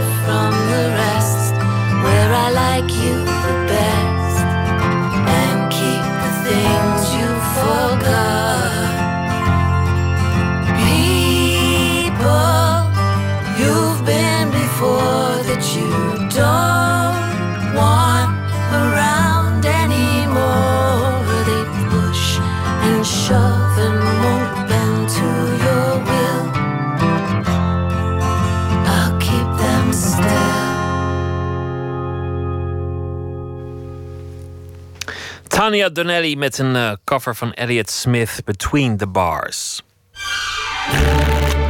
Open kaart. In de rubriek Open kaart trekt de gast zelf kaart uit de bak. En daarop staan vragen. Vragen die hopelijk iets uh, teweeg zullen brengen. Waardoor we wat meer te weten komen over de gast. Cabaretier Jan Beuving zit hier. Hij uh, haalde ooit zijn bachelor wiskunde en een master wetenschapsgeschiedenis. Maar vervolgens ging hij een hele andere kant op. De theateracademie. En zijn exacte achtergrond vormt een bron van inspiratie voor zijn cabaretprogramma's. Zelf zegt hij dat hij maar één ding heeft overgehouden aan de wiskundestudie. Namelijk dat hij meestal optreedt in een ruitjeshemd. Die hij nu niet aan heeft. Een nieuwe voorstelling is er evenwel Raaklijn. Aanstaande zaterdag in première. Nu aan het inspelen in Amsterdam in Bellevue. En uh, wiskundige Jonica Smeets die zag de try-out en schreef... er zijn weinig dingen waar ik jaloers op ben... maar het talent van Jan Beuving is er wel degelijk één van. Welkom, Jan Beuving. Dankjewel, Pieter. Nou, nou dacht ik aanvankelijk van... goh, ja, cabaret en wiskunde... dat zijn twee werelden die elkaar zelden ontmoeten... Tot ik er iets langer over nadacht. En volgens mij zijn er wel degelijk veel komieken geweest met een exacte achtergrond. Ja, die zijn er zeker geweest. Als je kijkt bijvoorbeeld naar iemand als Tom Lehrer. Ik weet niet hoe goed je Ja. thuis bent in het repertoire. Dat is jaren 50 en 60 in Amerika. Leeft overigens nog steeds. Wordt volgend jaar 89, maar treedt al 40 jaar niet meer op. Die heeft eh, talloze... Nee, dat is niet waar. Hij heeft juist maar heel weinig liedjes geschreven. 37 in zijn carrière. Dat was een wiskundige. En eh, die heeft liedjes geschreven ook over de nieuwe wiskundemethodes op de scholen. En eh, daar kwam altijd een exact soort humor bij kijken. En wetenschap, plagiatize, God gave you eyes, use Ja. your eyes, plagiatize. Ja, ja, plagiarize. Ja, ja, dat, dat, dat- al die liedjes, The Vatican Rag. En wat dacht je van Poisoning Pigeons in the Park? Dat is ook al zo'n fantastisch lied van Tom Lehrer. Eh, waar er komt altijd een vleugje scheikunde of een vleugje natuurkunde of een vleugje wiskunde voorbij. En het zit vooral ook in een manier van denken, denk ik. Je omdat je een beta bent. Kijk, ik zeg in de voorstelling ook... wiskunde is eigenlijk een vijfjarige opleiding tot autist. Dus je bent constant bezig om niet te struikelen... over je eigen onvermogen om de dingen niet letterlijk te nemen. Je, je leidt aan een soort regeldwang. En ik ben natuurlijk niet echt een autist... maar toch merk ik soms dat ik denk... ja, waarom is dit niet beter geregeld? Of ja, daar staat... ik moest laatst een contract ergens ondertekenen... en er stond een zin in dat contract. denk ik, ja, als ik dit onderteken... dan onderteken ik iets wat niet waar is. Dus dan bel ik het mensen op en zeg... ja, maar dat moet je niet eh, zo heet eten... die soep als die opgediend wordt. Ik zeg, ja, maar dan moet je het niet in het contract zetten. Maar dat is typisch een wiskundige. En laten we zeggen, dit is dan iets serieus... maar als je gewoon kijkt naar de dingen die gebeuren in de wereld... dan heb je gauw de neiging eh, om daar op een echte uh, beta-manier naar te kijken. En dat is vooral een wat gekaderde manier... En omdat je gekaderder kijkt dan alle andere mensen in de zaal, wordt dat grappig. Of Omdat ontroerend. Of... Wiskundigen zijn op zoek naar een echte waarheid. En, en als een van de weinige wetenschappen, een waarheid die niet later herroepen zal worden. Dat is zo. En in mijn voorstelling gaat het ook over dat. Uh, het probleem van een wiskundige is dat in de wiskunde alles waar is. Want als het niet waar is, dan hoort het niet bij de wiskunde. Maar het probleem is dat het allemaal wel waar is, maar niet echt gebeurt. Wiskunde is een droomwereld. Net als de kunst overigens. Dus in die zin lijken wiskunde en kunst natuurlijk ook op elkaar. En het probleem van de wereld voor een wiskundige is dat alles echt gebeurt in onze wereld. Maar er is eigenlijk niks echt waar. Dus uh, bijvoorbeeld als je op teletext ziet staan... oudste man ter wereld overleden... dan zal een wiskundige onmiddellijk denken... dat kan helemaal niet. Want als de oudste man doodgaat... dan wordt automatisch de ene oudste de oudste. Er is altijd één oudste man als er een mensheid is. Hoe zou je het dan moeten formuleren? Dat wordt ingewikkeld. Dan moet je zeggen, tot op vandaag oudste man. Ja, nou goed. Het is, Ja. natuurlijk, het is natuurlijk voor uh, het allergrootste deel van de wereldbevolking... 99,99 zoveel procent... een uitstekende formulering. En in principe is het ook zo. Maar je, als je strikt wiskundig gaat kijken... denk je, ja, de oudste man ter wereld kan niet dood. Als je gewoon naar de regels kijkt. Er zijn mensen en er is altijd één man de oudste. De oudste man ter wereld kan alleen maar dood... als je alle mannen op de wereld tegelijk in één keer doodmaakt. Dan zijn ze allemaal dood. Maar goed, dan hou je 3,5 miljard vrouwen over... waarvan natuurlijk de helft natuurlijk nog... waarvan een deel natuurlijk nog zwanger is... omdat die mannen allemaal in één keer dood zijn gemaakt. En dan krijgt ongeveer de helft van die zwangere vrouwen... krijgt dan een jongetje. En dan heb je, die, die wordt dan geboren als oudste man ter wereld. Het is toch best vermoeiend om met een beta-blik naar de wereld eh, te kijken. Dat is het zeker, maar daar gaat natuurlijk de voorstelling ook over. En, dat, En de aanleiding voor humor, die, die, die is volgens mij wel, wel duidelijk. Maar wat, wat voor wiskundige was jij? Eh, want ooit was het, was het grote plan natuurlijk gewoon dat je, dat je dat zou worden van beroep. Nou, op de middelbare school was ik al echt geïnteresseerd in toneel ook. Maar ik was veel te bescheten om iets als een kleinkunstopleiding te gaan doen. Ehm, ik ben ehm, vervolgens naar toch wiskunde gaan studeren. Wat voor wiskundige was ik? Ja, niet zo'n hele, niet zo'n hele goede. Heel enthousiast, maar niet heel goed. Een, een echte heel goede wiskundige kan in abstracties denken. En ehm, ik zeg het altijd zo: je hebt eigenlijk drie types wiskundigen. Uh, je hebt mensen die eerst heel lang nadenken... en dan in één keer van A naar B lopen. Dan heb je andere mensen die gewoon op hun intuïtie... Uh, rond beginnen te dwalen en van A bij B komen. Uh, en die nemen niet per se het kortste pad, maar ze komen er wel. En dan heb je nog een derde categorie, en daar val ik onder. Dat zijn de mensen die alleen maar achter iemand anders aan kunnen lopen. Van A naar B. En zo is het echt. Dus ik kon heel goed reproduceren. Dus als iemand het mij voordeed, dan kon ik in een analoog geval hetzelfde doen.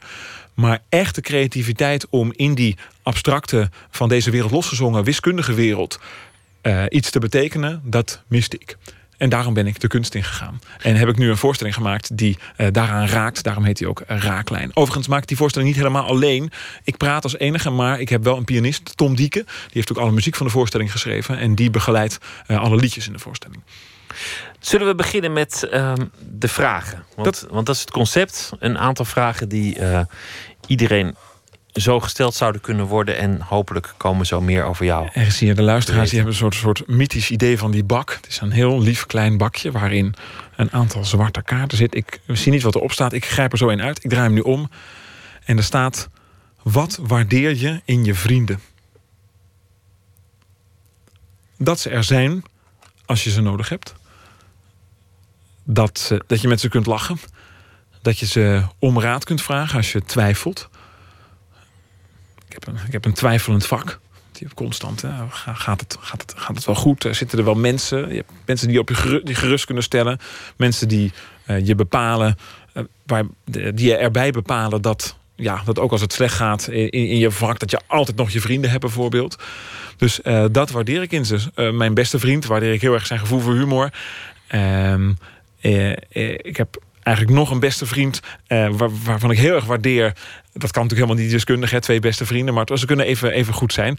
Uh, waarvan ik heel erg waardeer dat ik hem al heel lang ken, dat hij mij al heel lang kent. En dat is ontzettend prettig. Dat is iemand die ik niet heel vaak spreek.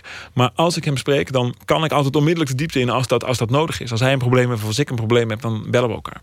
Maar als je onzeker bent, is dit wel grappig? Komt dit wel over? Is dit eigenlijk wel een goede scène die ik heb gemaakt? Of, of, of dit liedje slaat het aan?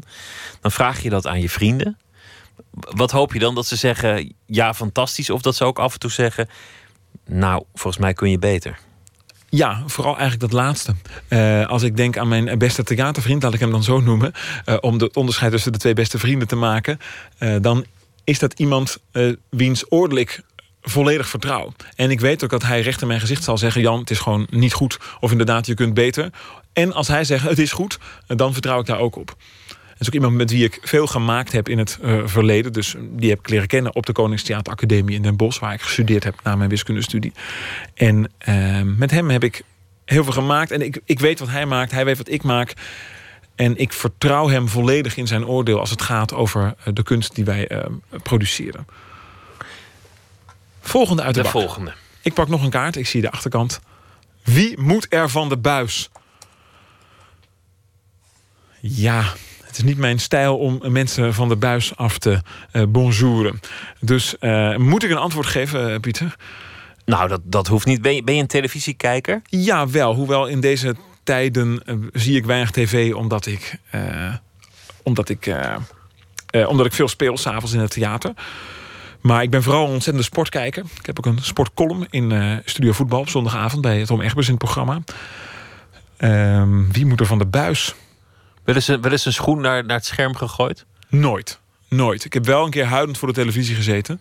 Toen mijn favoriete voetbalclub verloor. Maar toen was ik nog klein. En uh, ik weet wel heel veel dingen die nooit van de buis moeten. Teletext bijvoorbeeld moet nooit van de buis. Nee, teletext is prachtig. Nou, teletext is echt fantastisch. Zeker voor een wiskundige. Als ik alles keurig afgekaderd in, in, in drie alinea's en, en korte blokjes. Uh, wat moet er van de buis? Wie of nou, wie, ik probeer iets te bedenken. Ja, ik heb niet zoveel met al die uh, kookprogramma's. Hoewel ik heel Holland Bakt heel leuk vind. Uh, maar je hebt ook van die kookzenders. Ja, ik kijk er nooit naar. Maar ik vind ook... Ja, en blijkbaar is er een publiek voor. Anders zou zo'n zender er niet zijn. Dus... Uh, ik hoef niet per se dingen van de buis. Belspelletjes, mensen die kaarten leggen op televisie... en, andere mensen geld uit de zak troggelen. Dat moet van de buis. Teletext is natuurlijk wonderlijk ook wat je zegt voor een wiskundige... omdat dan het, het belangrijkste nieuws als nummer krijgt 101. Ja, ja prachtig toch? En waarom niet 001 eigenlijk? 001 dat, dat, dat, zal wel een, dat zal een digitale kwestie zijn geweest. Dat, dat je bij 0 moest beginnen. Uh, dat is natuurlijk handig, want anders moet je elke keer twee nullen intoetsen. Maar sommige toestellen herkennen dat niet. Dus ik, nee, ik denk dat zal wel, ze zullen wel bij 100 begonnen zijn. Omdat, ja, het is heel mooi gedaan. En RTL Teletext heeft volgens mij zelf, daar schuiven de berichten gewoon op.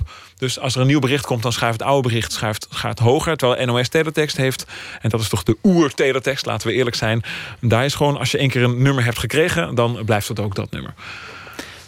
Laten we eens kijken wat er verder. Uh, ik pak gewoon de eerste. Zit. Wanneer heb je voor het laatst hard gelachen? Uh, vandaag nog in de uh, kleedkamer. Voorafgaand aan de voorstelling die ik speelde in Bellevue. Met mijn technicus en met Tom Dieke dus, die achter de piano zit. Maar ik ben eerlijk gezegd alweer vergeten waarom het gaat. Zoals de hele harde lach vaak een snelle oppervlak. Het was, het was iets situationeels. We kwamen op een, op een grap die uh, die je niet maken kan in de voorstelling, omdat het volkomen absurd zou zijn. Uh, maar we maakten een grap met iets uit de voorstelling. Uh, en daar moesten we allemaal heel hard om lachen. En echt heel hard. Maar wat het was, ik, zou, ik denk dat het zal een heel slechte woordgrap zijn geweest, denk ik. Maar van, vanavond dus nog. Ik ben wel eens uh, in de coulissen geweest bij, bij een cabaretvoorstelling... waar iedereen heel chagrijnig was. En dan gingen ze vervolgens het podium op om, om iedereen aan het lachen te maken. Dat, dat lukte ook. En, en de hele zaal werd vrolijk. Maar de hele productie er naartoe, de weg er naartoe en het eten, dat, dat gebeurde allemaal in een hele Norse stemming. Dat verbaasde mij toen. Ja, nou, maar, toch ook weer niet. Kijk, eh, ik, jij bent een, een presentator en jij eh, zult toch ook wel eens een dag hebben dat je je minder vrolijk voelt dan een andere dag.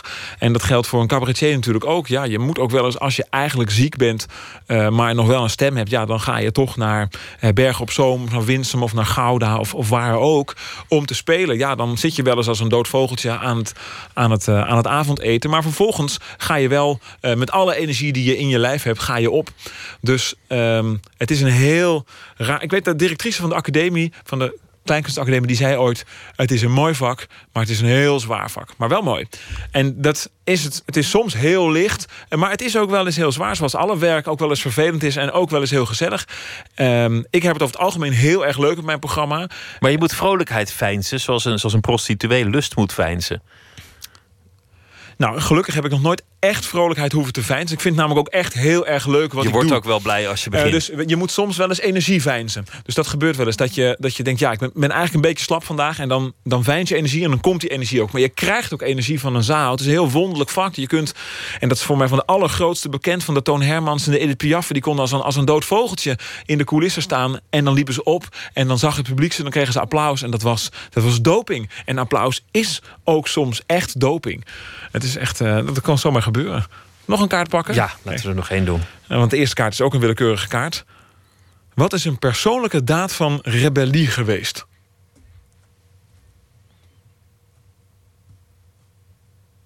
Ik ben even stil, wat niet goed is voor de radio, dus ik zal. Nee, je moet ook nadenken. Woordigheid is midden in de nacht bovendien. Een persoonlijke daad van rebellie. Ik ben niet heel rebels van aard, een beetje braaf van aard zelfs.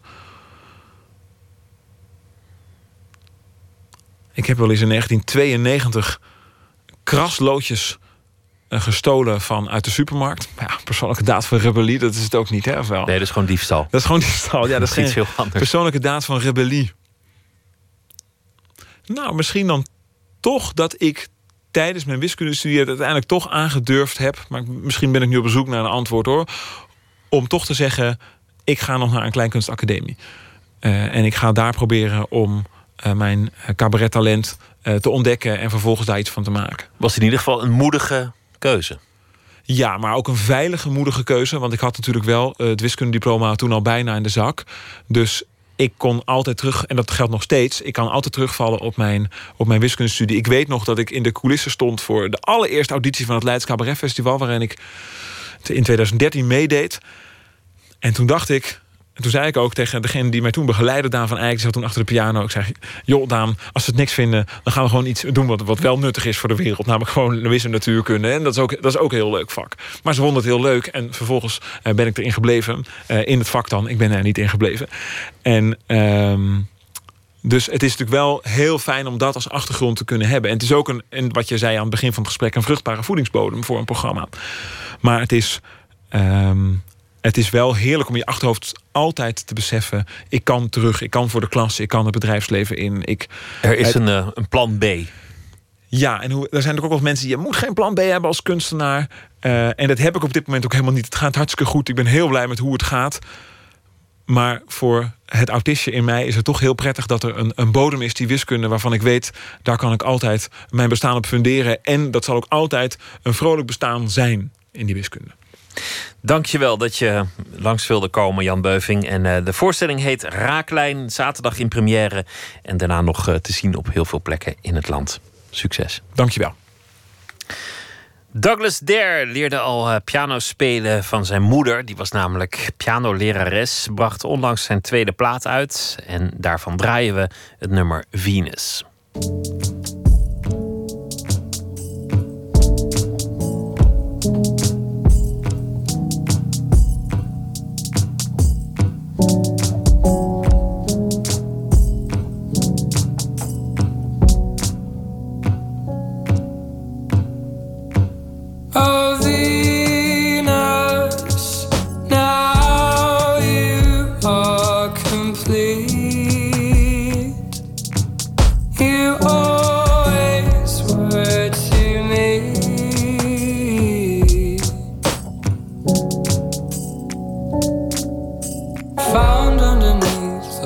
Hotel bed after four days. Someone said you were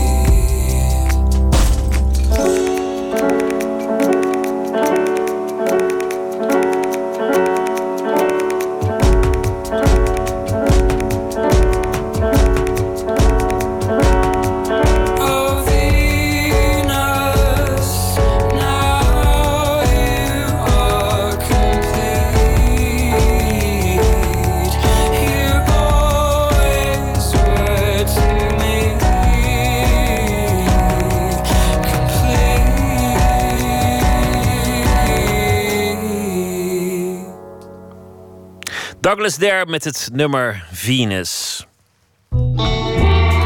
Nooit meer slapen. Hoe moeilijk kan het zijn, een verontwaardigde uitroep die Jasper van Kuik vaak slaakt, want hij let op design. Dat is zijn vak. Hij is ook cabaretier en columnist voor de Volkskrant, maar in essentie toch ook docent aan de TU Delft, waar hij zich bezighoudt met mens- en productinteractie. En hij heeft geleerd om te kijken naar goed en slecht design. En daar staat zijn columnbundel ook helemaal mee vol. Een serie deze week. We gaan kijken naar design in de dagelijkse omgeving. Het laatste deel vandaag wat er gebeurt als je esthetiek boven gebruiksgemak laat gaan. En over de vraag waarom apparaten eigenlijk zo zelden gerepareerd kunnen worden. Dit zijn twee knoppen. Echt bizar. Nee, dit is, dit is de Mighty Mouse van Apple. En het is een tweeknopsmuis, maar je ziet nergens dat er twee knoppen op zitten. Nee, want hoe ziet hij eruit? Nou, het is eigenlijk een soort, soort eh, witte blob. Het ding is, Apple heeft altijd al eh, muizen met, met één knop gehad. Vanaf hun allereerste eh, computer had, had een muis met één knop. Terwijl HP en Compaq en iedereen had twee knoppen op een gegeven moment. Dat kwam al vrij snel, want dan kun je met je rechtermuisknop klikken op een woord... en dan zegt hij eh, synoniem of eh, spelcheck of weet ik veel. Contextuele menus heet dat. Die muis die zag er heel mooi uit. Maar omdat hij maar één knop had, als je dan de rechter muisknop, die hij dus niet had, wilde bedienen, dan moest je een knop op je toetsenbord indrukken. Dus moest je een extra handeling doen. Alleen maar omdat Steve Jobs vond dat het er mooi uit moest zien. Steve Jobs heeft helemaal aan het begin een aantal principes geformuleerd. En één daarvan was imputing, noemde hij dat. Dat je aan het product moest kunnen zien dat het gebruiksvriendelijk en gemakkelijk was. En imputing voor hem is dat een muis met één knop zegt: dit is makkelijker dan een muis met twee knoppen. Het werkt alleen, in interactie werkt het niet zo. Bijvoorbeeld als we in een Boeing 747, als we daar, we kunnen prima alle knopjes gaan wegwerken in minuutjes. En dat, maar dan moet een piloot dus een menu in als hij het landingsgestel wil uitknappen. Nou, dat, dat wil je niet. Je wil in een, in een vliegtuig is gebruiksvriendelijk dat je met één handbeweging het juiste knopje om kan gooien. Ja, Apple wordt heel vaak opgehemeld, maar ze hebben ook gewoon echt hele rare beslissingen genomen. En dit, dit was zo'n ding. Nee, het was een principe van hem. Nee, muizen hebben één knop. Nou, uiteindelijk kwamen een hoop gedoe. Dachten ze, nou, misschien moeten we toch maar een muis met twee knoppen gaan doen. En toen was er een sessie en Apple maakte toen al altijd, altijd prototypes van, van muizen. Die schuimmodelletjes en zetten ze dan neer. En ik las laatst een eh, verslag van iemand die daarbij was, een van die ontwerpers. Die zei: Ja, er was één model. Daar hadden we nog geen tijd gehad om met, met stift de knoppen op de, de deelnaden op te tekenen. waar- Dat je kon zien waar de knoppen zaten. Wat doet Steve Jobs? Die loopt naar dat ding toe en zegt: Ja, dit gaan we doen. Dat is dit geworden. Ze hadden gewoon nog geen tijd. En hij eindelijk had hij dus om zonder gezichtsverlies. Mocht er wel eenvoudig uit. Het kon er eenvoudig uitzien. Maar het had wel twee knoppen. Nou, dat, dus het probleem hiervan is, is dat je als consument geen enkele aanwijzing hebt dat dit ding twee knoppen heeft. Nog iets. Mijn telefoon was kapot. Mijn beeldscherm was kapot. En toen bleek dat niet alleen het beeldscherm kapot was, maar ook de achterkant. Er zat een heel klein deukje in. En toen kon er dus geen nieuw beeldscherm meer op, want de, de elektronica van de telefoon zit gemonteerd op de achterkant op het hoesje. Ja. En dus moest de hele telefoon vervangen worden, terwijl die het nog perfect deed. Er zat alleen een barst in mijn scherm. Waardoor ik me bij dat soort dingen altijd afvraag: waarom kunnen dingen niet uit elkaar geschroefd worden? En kunnen ze niet vervangen worden? Is dat nou bedrijfsfilosofie? Dat je denkt van hoe meer telefoons we kunnen verkopen? Of kan dat echt niet anders? Eh, ik denk dat beide is. In het geval van, eh, van smartphones zit er waanzinnig veel geïntegreerd. Er is een wedstrijd om die dingen steeds dunner te maken. En daar gaan we ook in mee. Dat betekent dat je al die, alles moet gaan integreren. Het zijn al lang niet meer losse componenten. Er ligt een soort eh, kunststofstrip in... waar alle elektronica in zit. En er wordt in elkaar geperst om het allemaal zo klein mogelijk te maken. Als je iets reparabel wil maken... dan, dan moet je schroefjes en, en pafjes en pieletjes... dan wordt die telefoon veel groter. Ehm, dus dat, dat is één reden. Ehm, twee is dat bedrijven er niet per se belang bij hebben om iets eh, eh, te maken wat jij kan repareren. Als je kijkt naar de gloeilamp. In het begin gingen gloeilampen heel lang mee. En eh, er is een eh, eh, onderzoek naar gedaan dat er op een gegeven moment een soort consortium is gekomen. Dat zeiden we moeten zorgen dat die lampen niet te lang meegaan. Want ja, dan hebben we straks niks meer te verkopen. Ja, dan wordt het wel echt, echt kwalijk natuurlijk. En dat, dat vind ik wel moeilijk aan mijn vakgebied af en toe. Is dat productontwikkeling is erop gebaseerd om producten te verkopen. En dat betekent dat eigenlijk hoe eerder iets, iets veroudert, eh, stuk gaat of weggegooid wordt, hoe beter. Wat ik hoopgevend vind is dat je steeds meer ziet dat dingen services worden. Bijvoorbeeld ehm, eh, printers en kopieerapparaten op kantoor worden niet meer gekocht. Die worden geleased. Je ziet dat mensen hun, eh, eh, wasmachine kunnen leasen. En dat zijn hele goede ideeën, want dan, dan heeft dezelfde partij van wie het product is, de fabrikant, heeft de controle over om het, om het duurzamer te maken, lang, dat het langer meegaat. Afgelopen vrijdag kwam de bundel uit Hoe moeilijk kan het zijn van Jasper van Kuik. En Nicolaou sprak met hem. 30 Days, 30 Songs. Het is een eh, initiatief van de schrijver Dave Eggers. Muzikanten spreken zich uit tegen Donald Trump. 30 dagen lang. Elke dag komt er een nummer bij van een bekende artiest. die eh, probeert te voorkomen dat Trump president wordt. De titel van de bijdrage van Jim James zegt al een beetje waar die over gaat: Same Old Lie.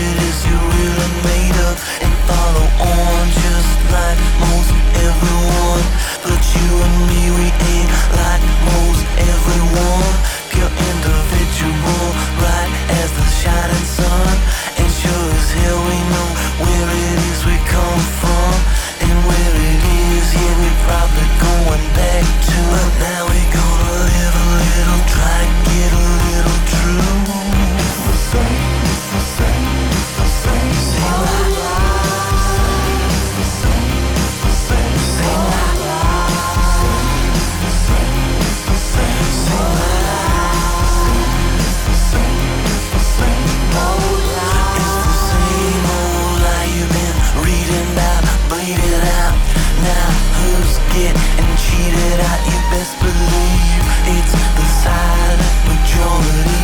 If you don't vote, it's on you, not me. It's the same old lie told from the dawn of time. Yeah, stretch it out a little, try to milk every last dime. Hate shelter lines, try to take what's yours and mine. Is there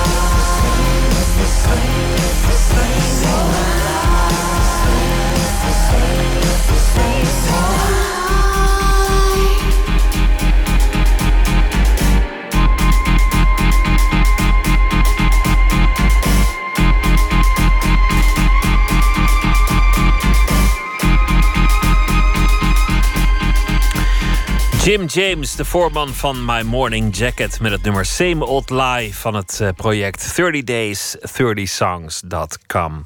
Anna Enquist is dichter en deze week sluiten we elke nacht af met een van haar gedichten. En eh, vannacht is dat een gedicht met als titel Japanse duizendknoop.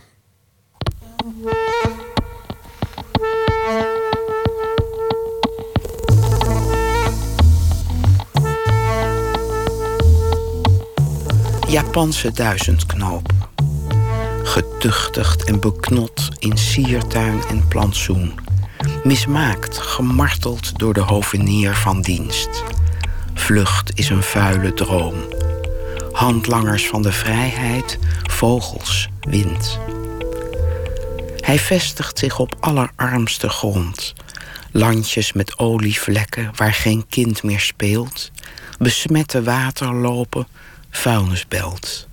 Vernietig hem met vuur en hij verrijst als eerste uit de as. Laat hem daar staan. Zijn stengels reiken naar het blauw.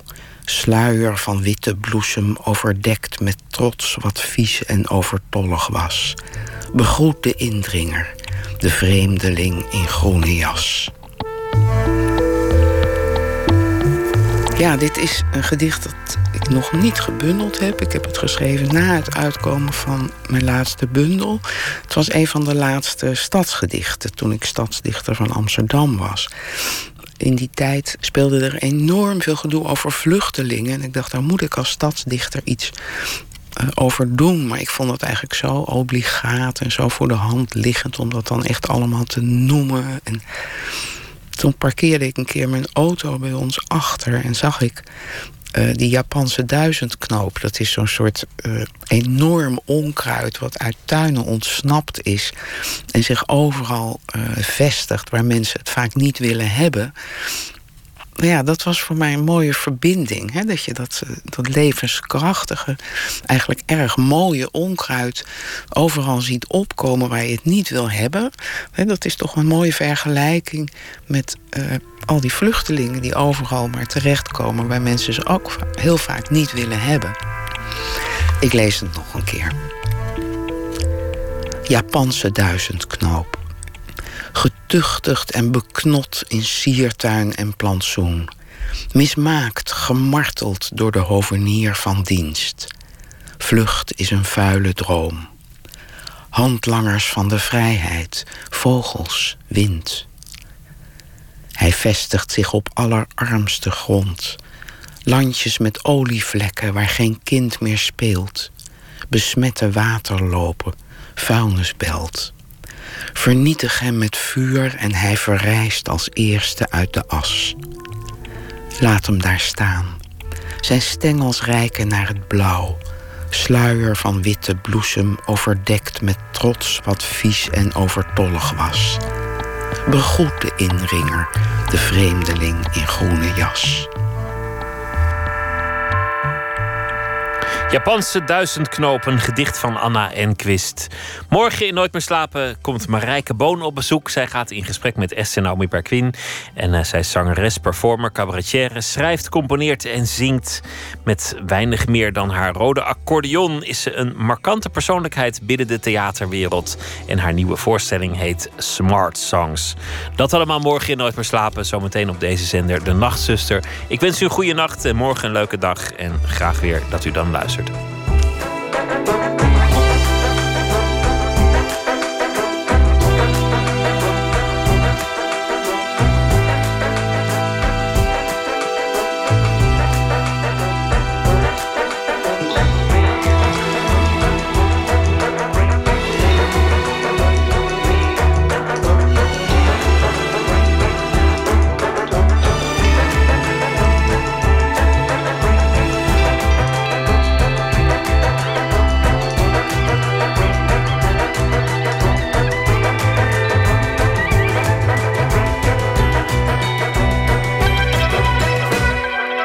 Radio 1, het nieuws van alle kanten.